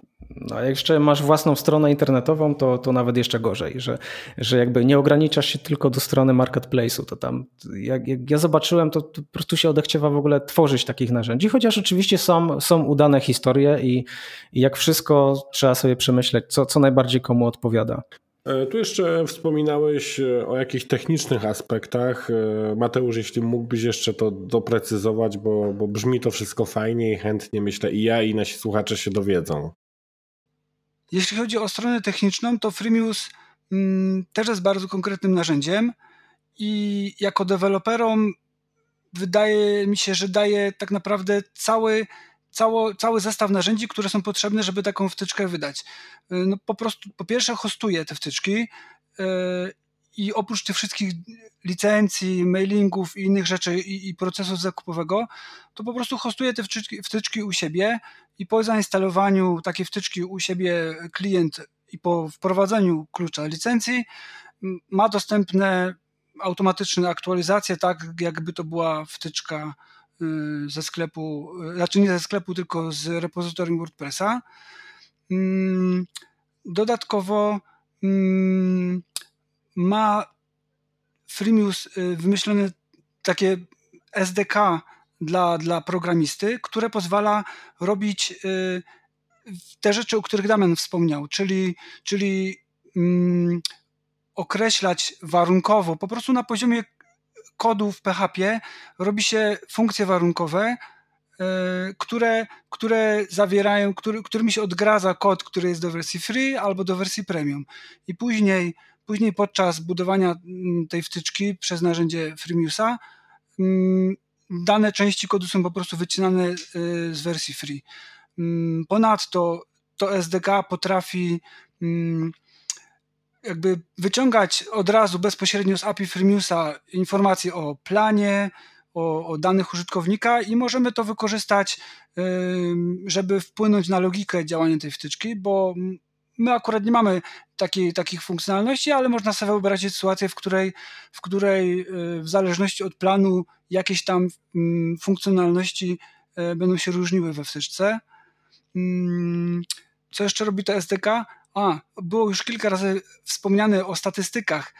Wysyła, jeśli użytkownik się zgodzi, to zbierane są statystyki mm, ze strony użytkownika i, i wiemy, jaką ma wersję PHP, jakie ma mm, wtyczki zainstalowane i motywy, z jakimi wersjami. Mm, I co jeszcze? Jeszcze tam kilka innych rzeczy. Tam nie ma absolutnie żadnych zbieranych takich danych jakichś wrażliwych czy coś, ale już samo to pozwala nam, pozwala nam jak gdyby szukać, szukać rozwiązań problemów, gdy jakieś się pojawią, bo będziemy wiedzieli, jakie ktoś ma wtyczki, czy, czy jaki ma motyw. Freemius posiada mm, też API. Tak naprawdę panel, cały panel Freemiusa jest zbudowany w oparciu o API. To jest jedna wielka aplikacja angularowa, bo już tam zaglądałem do źródeł i korzystają, korzystają e, jakby ta aplikacja działa w oparciu o API, które sobie zrobili i, i to API jest również udostępnione e, deweloperom. Mm, I za pomocą tego API można, można tak naprawdę zrobić wszystko to, co da się zrobić w panelu, więc zarządzać użytkownikami, planami, e, jakimiś funkcjonalnościami, wszystkimi. Mm, I między innymi można przygotować sobie mm, wersję, nową, nową wersję wtyczki.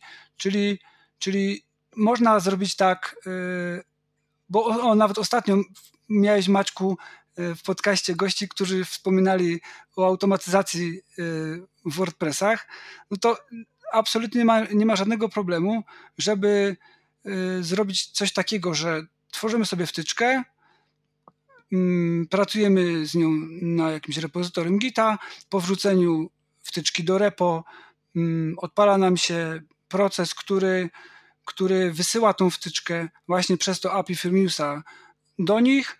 Tam się tworzą y, dwie paczki, y, wersja free i wersja premium. No i, i, i, i możemy nawet zdalnie oznaczyć, że od razu ta wersja, wersja mm, premium jest dostępna dla użytkowników już, żeby była aktualizacja, bo domyślnie chyba jest, że jest niedostępna jeszcze do, do, do, do, do pobierania przez tych użytkowników.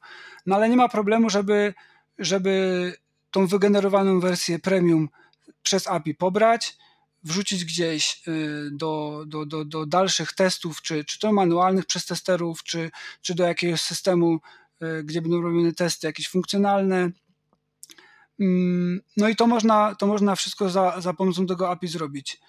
Mm. No, my to tak zautomatyzowaliśmy teraz. W sumie, w sumie ty, ty napisałeś ten skrypt Wcześniej, jeżeli chciałem jakąś wysłać wtyczkę do, dla klienta z, z, jakąś jedną załataną rzeczą, żeby potwierdził, czy działa, to to był proces, który trwał około 20 minut. Ja musiałem pierwsze zrobić commit i, i spuszować do repozytorium naszego, potem ręcznie e, musiałem taką paczkę pobrać, zalogować się do Freemiusa, tam wrzucić tą paczkę ręcznie, rozbiła mi się na dwie części, musiałem ją jeszcze ręcznie przetestować, czy, czy, czy ta strona nie wybuchnie e, gdzieś ją zauploadować e, na, na, na Google Drive'a i dopiero wysłać klientowi. Jak sobie taki proces rozpisałem, no to się za głowę chwyciłem. Oczywiście tak to jest, że, że nawyk, ciężko, ciężko tutaj się pozbyć takiego nawyku. No i Mateusz tak cały czas cisnął, ale zróbmy automatyzację. Po co tak to siedzisz z tym 20 minut i za każdym razem e, tak robisz? I, i faktycznie to było bez sensu i teraz sobie nie wyobrażam wrócić, a do tego, co, co, co, co wcześniej, co, jak to wcześniej właśnie wysyłałem klientom te wtyczki, teraz to działa tak, że robimy sobie specjalny oznaczony commit, Czyli wpisujemy sobie wersję, podbijamy wersję wtyczki, wpisujemy sobie w komicie tylko tą wersję, tam V1.11.0 i, i nasza, nasza czwarta y, liczba to jest właśnie taka wewnętrzna. I w tym momencie dostajemy po około 15 sekundach zbudowaną paczkę y, wersji free i wersji pro z możliwością kliknięcia sobie, że y, pobieramy link, który wysyłamy klientowi i, i, i klient sobie może tą paczkę pobrać. W zasadzie trwa to w 15 sekund. Zaoszczędziliśmy 20 minut, przełożyliśmy na 15 sekund właśnie, właśnie takimi, takimi czarami, co, co, co Mateusz zrobił. I tak powoli, powoli coraz więcej rzeczy automatyzujemy i, i, i wydaje mi się, że jeszcze, jeszcze dużo, dużo rzeczy jest tutaj do, do, do poprawy. Okej, okay, no brzmi to też bardzo fajnie i też e, widać właśnie to, jak podchodziliście do tego procesu, że najpierw coś, co było robione ręcznie, e, potem automatyzowaliście i to jest takie, można powiedzieć, ciągłe doskonalenie tego, e, tego co robicie. Zresztą sam Freemius, e, z tego co mówicie, daje potężne możliwości i chyba będę musiał gdzieś tam się nim e, bardziej zainteresować, e, nawet nie pod kątem wypuszczania jakichś swoich produktów, ale z czystej ciekawości mnie zainteresowaliście dosyć mocno.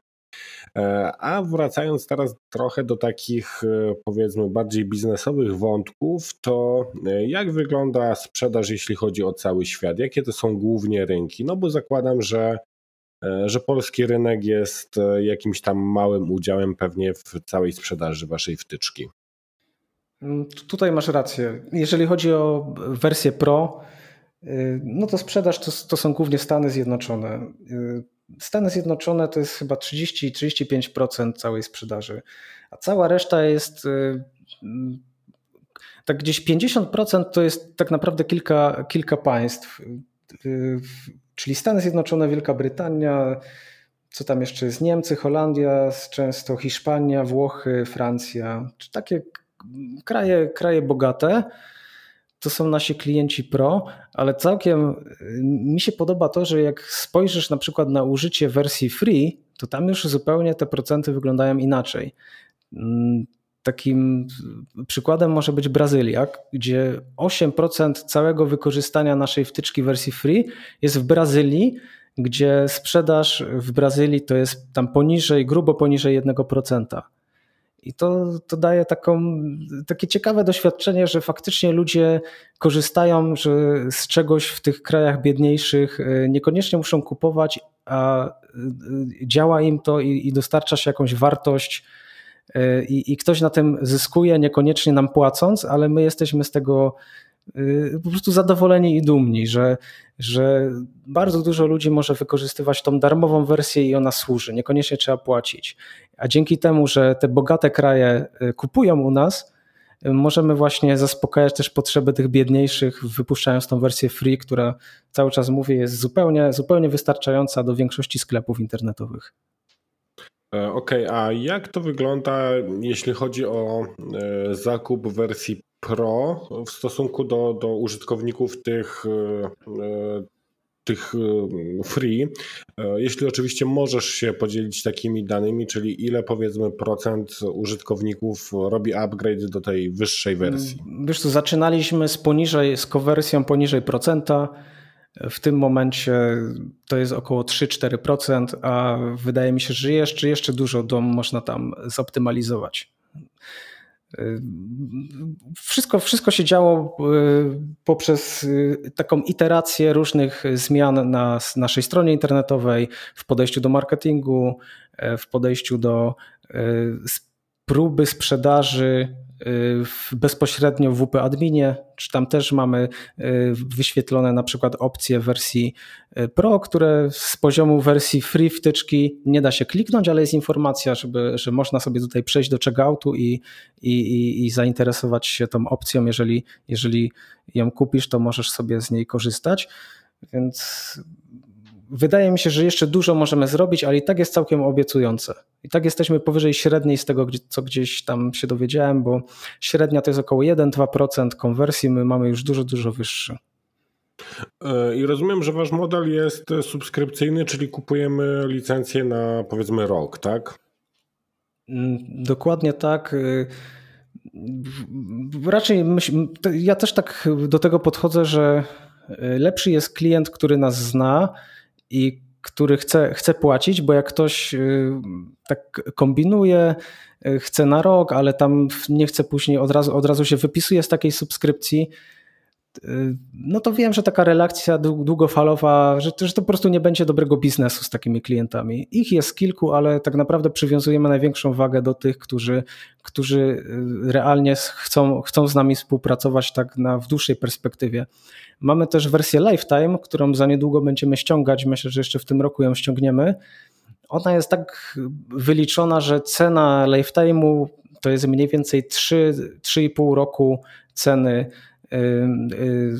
którą trzeba zapłacić, jak, jak się ma subskrypcje roczne, bo statystyki gdzieś mówią, że, że większość biznesów po tych 3-4 latach się wykrusza, więc mniej więcej biznesowo powinno się wyjść na, na, powinno wyjść na jedno, czy ktoś kupuje rocznie, czy, czy lifetime, ale finalnie z lifetime'ów będziemy i tak za niedługo rezygnować.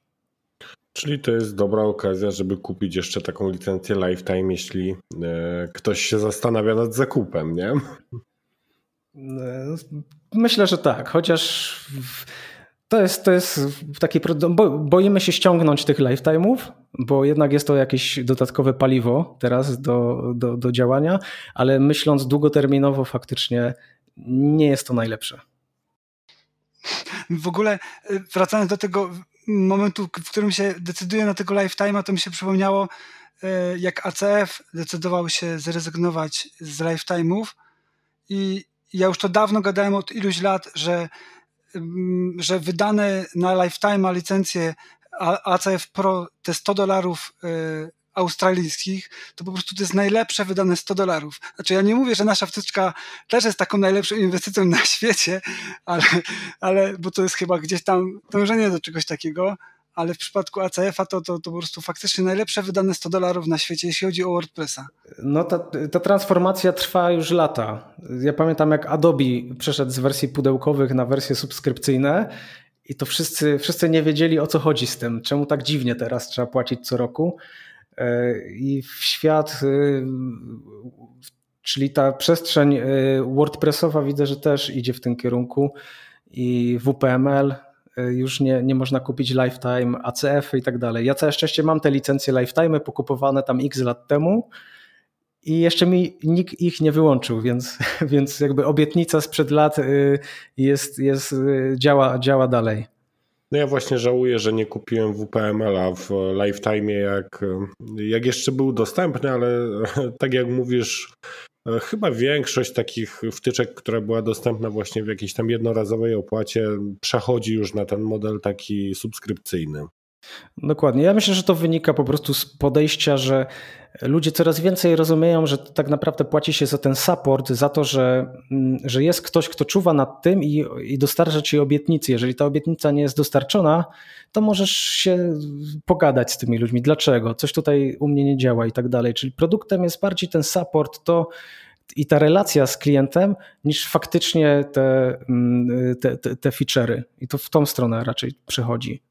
No a też musimy pamiętać, że utrzymywanie takiej wtyczki no, też kosztuje. To też jest koszt i, yy, i w pewnym momencie podejrzewam, że ten rynek by się nasycił i mógłby być problem z utrzymywaniem takich wtyczek przez długi czas, gdyby wszyscy kupili lifetime i potem te, te przychody by się po prostu skończyły.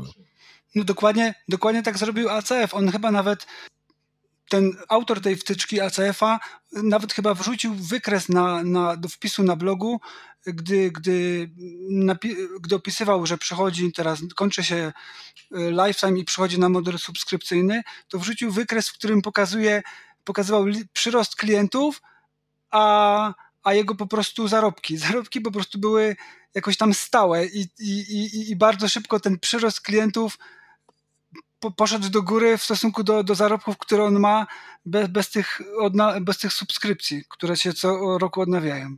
No tak, no to, to myślę, że globalnie gdzieś tam wszyscy pójdą w tą stronę prędzej czy, yy, czy później, bo, bo jednak utrzymanie takiej wtyczki to, yy, to jest dosyć, dosyć sporo pracy i tak jak już powiedzieliście tutaj, nawet nie tyle pracy takiej związanej z programowaniem i tworzeniem tego kodu, tego, tego rozwiązania, ale właśnie z obsługą tych klientów. Znaczy jeszcze ci tylko dokończę tego, tego, że to się wydaje, mm, że to, że to jest znaczy, wszyscy myślą, że to nie jest dużo roboty z taką wtyczką właśnie. Damian, pamiętam jak Damian y, mi powiedział na samym początku, jak tu, przychodzi, jak tu przychodziłem do niego to powiedział mi coś takiego, że to jest nieprawdopodobne, jak, jak ludzie nie wyobrażają sobie, ile to może być roboty z taką prostą wtyczką do wyszukiwania. Przecież, przecież to, to się wyszukuje po prostu coś w bazie danych i to działa. A, a potem się okazuje, że, że jak do tego faktycznie e, wszedłem na, na, na całość, na, na, cały, jakby na cały etat, to, to okazało się, że, że jestem tu już kilka miesięcy tak na, na cały etat, a już ponad rok chyba na, na, na część etatu i, i, I wydawało się, że przez tyle czasu można zrobić takie kosmiczne rzeczy, to wszystko tak zrobić, a tak naprawdę posuwamy się małymi kroczkami, małymi kroczkami, rozwiązując po prostu tyle rzeczy, których wygenerowało, tyle problemów, tyle rzeczy, które się wygenerowały po prostu przez, przez, przez czas, odkąd ta wtyczka powstała. No ja często na saporcie miałem takie, takie tikety, że próbowałem rozwiązać jakiś problem, a potem klient, y, oczywiście programista, mówi: E, w ogóle to bez sensu, ta wasza wtyczka, to, to ja sobie sam napiszę taką. I tak się, tak się kończyła rozmowa. A ja taki uśmiech, no to pisz, nie? To jest, to jest dla jednego projektu jeszcze, jeszcze dałby radę i nawet by to działało, ale u nas jest tym problemem, że my musimy obsługiwać 100 tysięcy różnych środowisk, a, a nie tylko jedno środowisko. I tutaj to, to, to powtórzyć to jest, to jest ciężka sprawa. Bo to jest, to jest właśnie istotny kontekst, że tutaj już musimy zadbać o to, że e, w pewien sposób musimy myśleć za tych naszych użytkowników, bo tak jak mówisz, to co jest stosunkowo proste do zrealizowania dla jakiegoś tam jednego konkretnego WordPressa, jednego konkretnego projektu z jakimiś tam bardzo sztywnymi założeniami, no to już sytuacja się zupełnie zmienia, gdy robimy coś, co ma wyjść szeroko na świat gdzieś tam i funkcjonować w bardzo, bardzo różnych środowiskach, na bardzo różnych hostingach, z bardzo różnym zestawem wtyczek. Dokładnie, szczególnie po takich wewnętrznych y, zrobiliśmy sobie badania, mm, kto faktycznie używa naszej wtyczki i wyszło, że to jest około 60% totalnych nowicjuszy, którzy prowadzą jakieś małe biznesy na e-commerce i sami sobie wszystko ogarniają. Tam 30% to byli freelancerzy, agencje i, i, najwięcej takich problematycznych tiketów na saporcie, że każdy chce sobie coś skustomizować, to tak naprawdę należy do wąskiej grupy programistów, do których teoretycznie niekoniecznie chcemy trafić, bo, bo później kompatybilność wsteczna, utrzymanie tego wszystkiego, co tam im naobiecujemy i gdzieś zmodyfikujemy w kodzie albo zrobimy takie obejścia, to po prostu rozłoży biznes na łopatki, więc generalnie nie robimy kustomizacji i skupiamy się głównie na tej grupie 60% y, nowicjuszy, którzy może nawet kilka miesięcy temu dopiero dowiedzieli się, co to jest WordPress i odpalili swój pierwszy sklep. To, to jest jakby nasza grupa docelowa, więc zupełnie inna perspektywa podczas tworzenia oprogramowania dla takich ludzi, a inna jest dla, dla takich technicznych, na przykład ACF-y są bardziej dla, dla takich technicznych ludzi, to zupełnie inne jest podejście w tym momencie. No tak, tutaj na pewno ta świadomość tej grupy docelowej i, i to, że jak e, sam mówisz, jest to oparte o jakieś liczby, o badania, a nie o to, co Wam się wydaje, na pewno będzie bardzo pomocna w rozwoju i Oczywiście życzę Wam tego, aby te liczby i słupki rosły to można powiedzieć jakichś tam takich poziomów, które sobie wymarzyliście. A tak zbliżając się już do końca e, naszej rozmowy, e, co byście poradzili komuś, kto mm, po tej naszej rozmowie stwierdził, że może to nie jest taki głupi pomysł na biznes, ma jakiś tam pomysł na wtyczkę, jak zacząć w ogóle? Czy od razu robić na przykład wersję Pro, czy może ta wersja darmowa jest wręcz konieczna, żeby to był taki kanał marketingowy? Co byście doradzili, jeśli mielibyście, nie wiem, 5 minut na rozmowę z kimś i, i ten ktoś by was zapytał, e, słuchaj, od czego zacząć, jaki pierwszy krok zrobić, żeby iść w tą stronę, e, w którą wy idziecie? Widzisz, do, dobrze, że użyłeś słowa biznes, a nie, a nie stworzenie wtyczki, którą chcę sprzedać, bo, bo to jest zupełnie in, inna perspektywa. Pierwsze, co bym powiedział, to właśnie, żeby zrozumieć, co to jest biznes. Że, żeby podejść do tego biznesowo, to znaczy nie tylko zbudować produkt, ale przede wszystkim znaleźć niszę. Zastanowić się, co ludzie faktycznie potrzebują. Ja mogę sprzedać y, prywatny case, y, że ja szukałem niszy, przeglądając repozytorium y, wtyczek WordPressa i szukałem wtyczek, które mają bardzo dużą liczbę aktywnych instalacji i bardzo kiepskie oceny. To znaczy, że jest popyt na jakieś, mm, na jakieś rozwiązania, ale nie, nikt nie jest w stanie dostarczyć ich w taki zadowalający klientów sposób. To jest pierwszy, pierwsza rzecz, żeby, żeby znaleźć tą niszę. Jak już, jak już taki człowiek znajdzie tą niszę, niech stworzy narzędzie, ale niech to nie będzie kombine, tylko niech zaspokoi jedną, dwie y, takie najbardziej kluczowe rzeczy.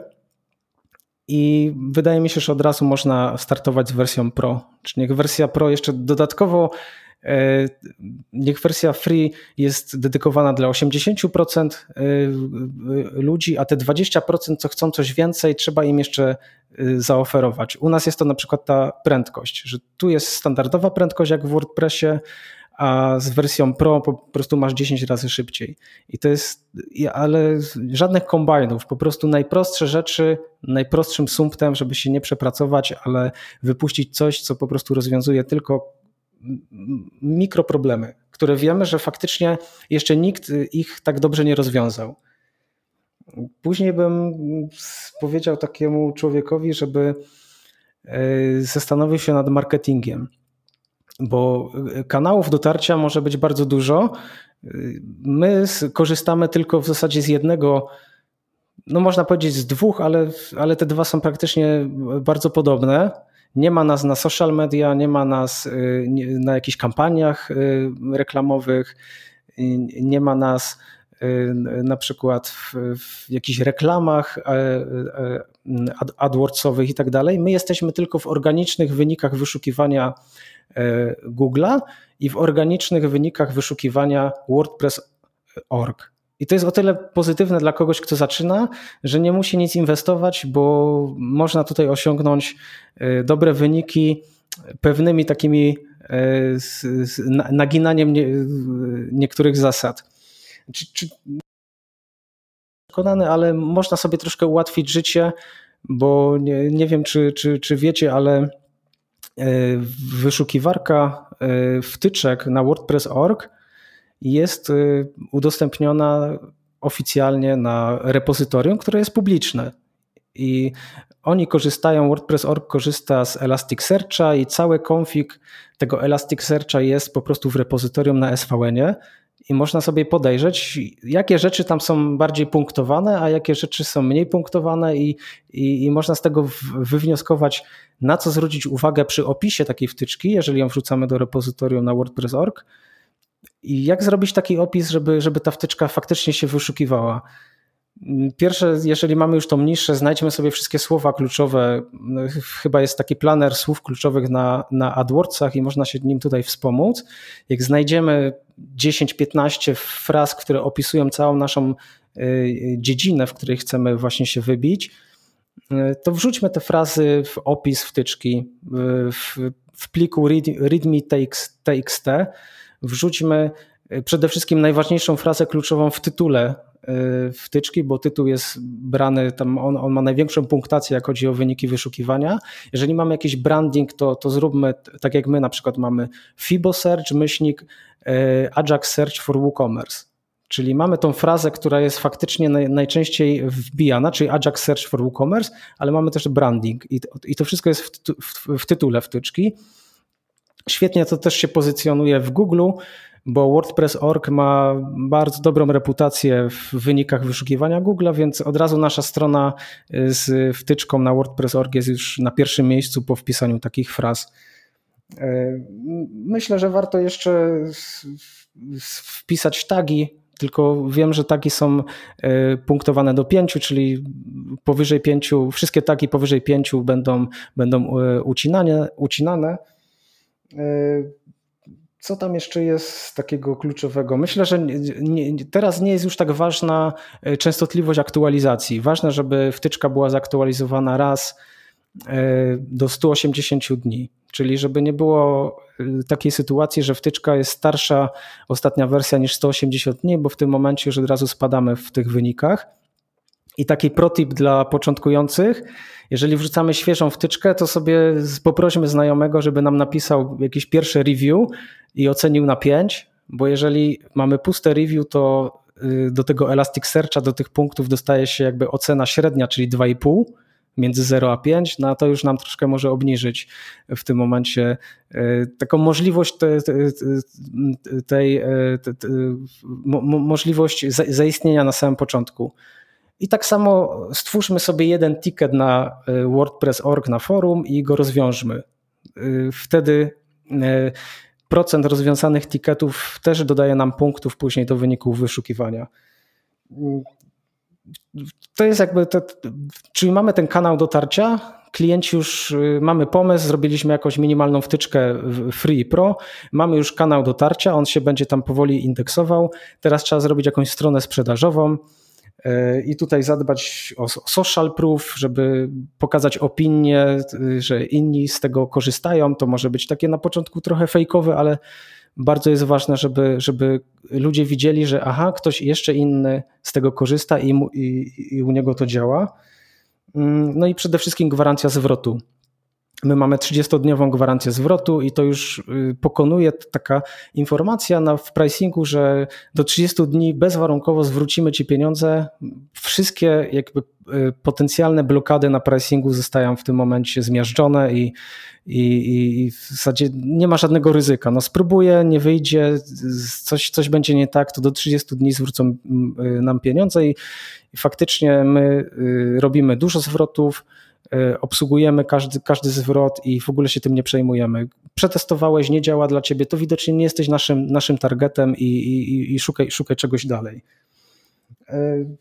Później, jeżeli faktycznie mamy ten kanał już sprzedaży, sprzedaż działa, to trzeba pójść po najmniejszej linii oporu. Wydaje mi się, że ten Freemius tutaj chyba jest taki najprostszy, czyli podpiąć sobie Freemiusa, żeby on obsługiwał e, licencje, bramki płatności i to wszystko. Nie trzeba się wtedy z, z niczym integrować, wszystko ma się na tacy.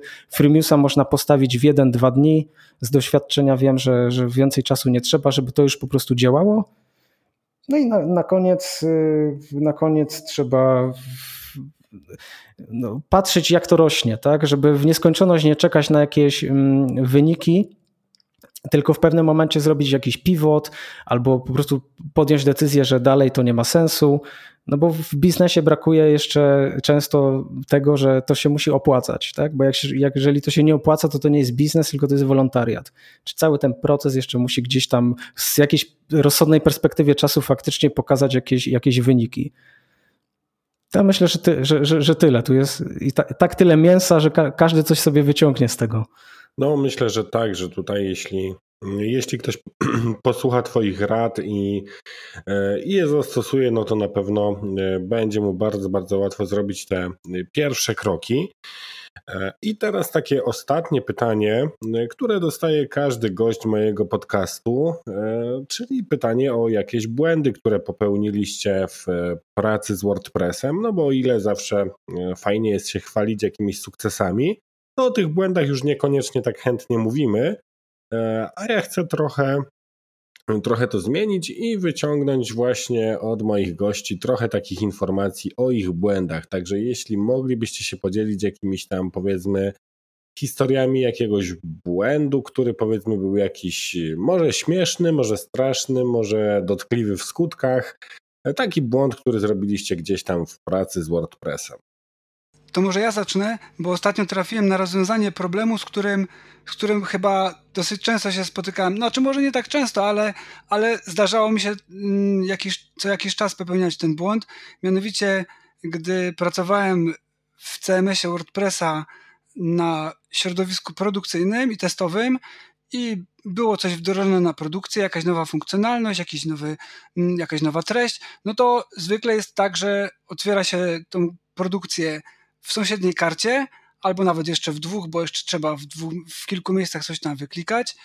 No i, i po chwili kończyło się to, czy po kilku chwilach kończyło się to tym, że, że zamiast coś zmienić na wersji testowej, yy, zmieniało się na wersji produkcyjnej, nie chcąc tego robić, bo to było na przykład za wcześnie, albo nie to się chciało zmienić i, i w tym momencie na produkcji po kliknięciu zapisz, człowiek patrzy na, na, na, na adres y, przeglądarki, o kurczę, produkcja.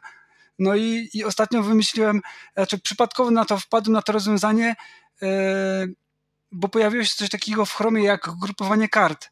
i, i można taką grupę sobie utworzyć i można takiej grupie nadać kolor. Wierzcie mi, jak się ustawi kolor jakiś czerwony, różowy, czy jakiś bardziej, jakiś bardziej żarówiasty, to zdecydowanie z daleka widać, która, która, które z tych kilkunastu czy dziesięciu zakładek, które mam otwarte w przeglądarce są produkcyjne, a które nie są produkcyjne. To taki szybki tip, bo, bo, bo, bo faktycznie ostatnio na to wpadłem. A, a z takich, z takich mm, błędów, e, które już miały większe skutki i były bardziej poważne, to, to, to jakiś czas temu, jak jeszcze pracowałem w poprzedniej firmie, Oczywiście robiłeś coś na produkcji, e, na bazie danych, bo czemu nie, bo, bo nie dało się tego problemu odtworzyć już na, na środowisku testowym. Znalazłem rozwiązanie problemu i wiedziałem, co trzeba dokładnie zrobić żeby y, pracowałem na czymś takim jak no, na PHP Adminie, chociaż to był akurat nie PHP, PHP MyAdmin, ale coś podobnego, więc mogłem sobie zrobić spokojnie backup tych tabel, w których coś tam musiałem poprawić i zrobiłem oczywiście ten backup. Y, no i, i chciałem wprowadzić y, chciałem wprowadzić małą zmianę, która miała dotyczyć wszystkich rekordów w tej tabeli. Rekordów tam było kilka, kilka tysięcy, ale obok w tabeli było, bo to były customowe tabele do takiego rozwiązania ala taksonomia mm, i, i, i, w, i w którejś z tych drugiej czy trzeciej tabeli tam było rekordów już, już chyba z, nie, z 2 miliony. No i, i, i coś, coś tam nie poszło, no to stwierdziłem, usunę sobie tą, tą tabelę, przywrócę z backupu całą, całą zawartość tej tabeli i, i, i jeszcze raz to zrobię. Tylko coś, coś mi nie pasowało, bo usunięcie rekordów tych, tych kilku tysięcy trwało mi coś, coś długo.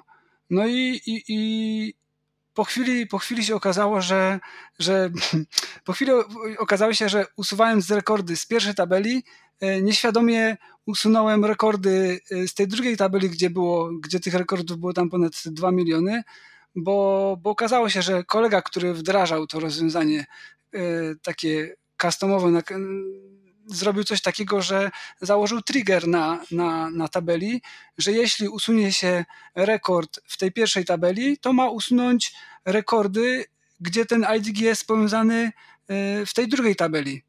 Więc usuwając sobie 2000 rekordów w pierwszej, usunęło mi się automatycznie e, na poziomie MySQL'a e, usunęły się wszystkie rekordy z tej drugiej tabeli, której oczywiście nie miałem kopii zapasowej zrobionej, bo stwierdziłem, że, że przecież nic tam nie robię. Nic tam nie robię, a, a pracuję tylko na tej jednej tabeli. No i skończyło się na tym, że, że zrobiło mi się trochę ciepło, ale stwierdziłem, że nie jest to aż takie istotne.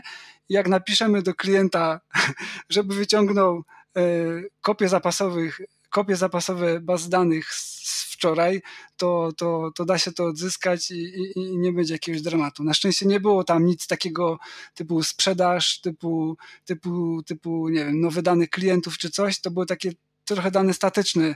Coś jak taksonomia dla, dla, dla jakichś custom postów, więc tam się na szczęście nie zmieniało to często i niedużo, więc można to było przewrócić.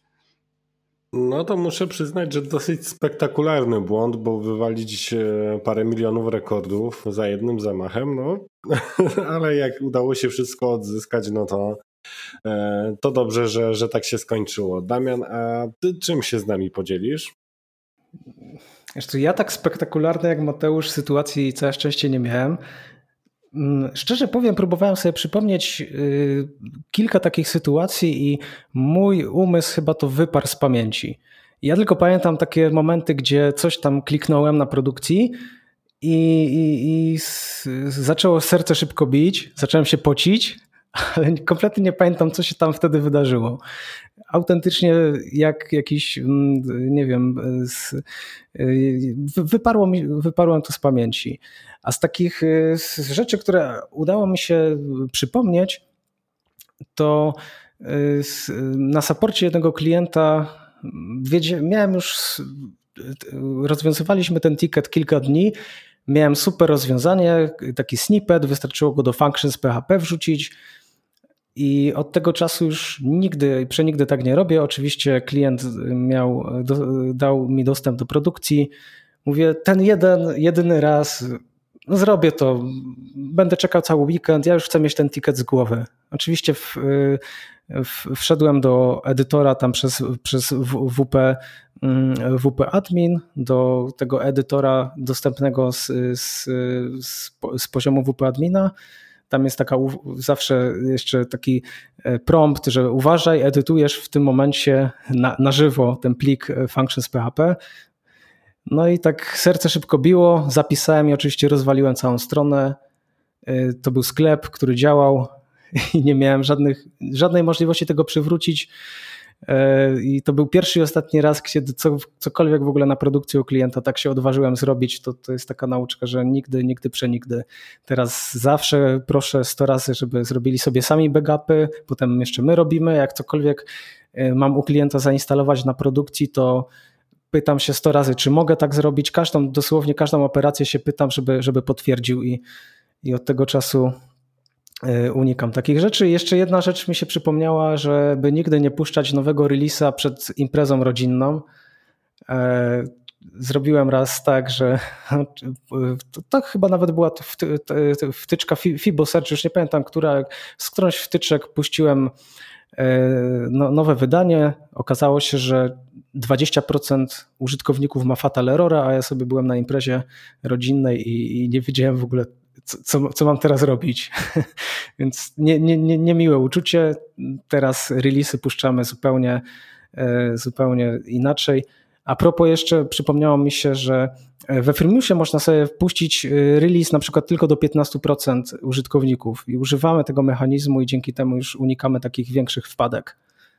No, przy tym, e, o tym mechanizmie takiego stopniowego wypuszczania nowych wersji do ludzi mówił bodajże też Konrad Karpieszuk, że na przykład WPML-a tak wypuszczają, e, można powiedzieć, partiami do najpierw do jakiejś tam małej grupy, e, a potem dopiero jakby idzie on w, w takiej stuprocentowej dystrybucji do, do wszystkich. E, no, chłopaki, super rozmowa e, wyszła nam z tego. Z tego co widzę, będzie około dwóch godzin e, materiału, także będzie, będzie, będzie czego słuchać.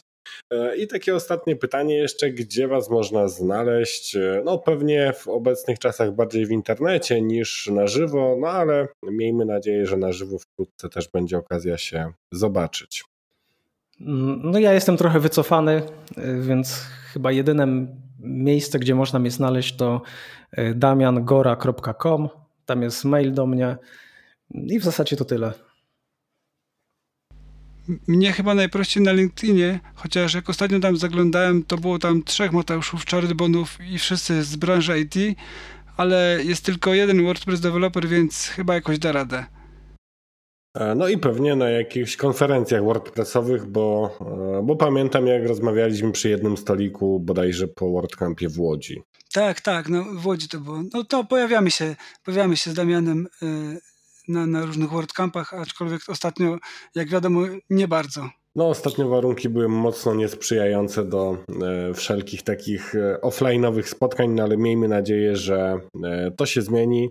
E, ja jeszcze raz Wam bardzo dziękuję za poświęcony czas i przede wszystkim za ogrom e, wiedzy i doświadczeń, jakimi podzieliliście się tutaj z e, moimi słuchaczami.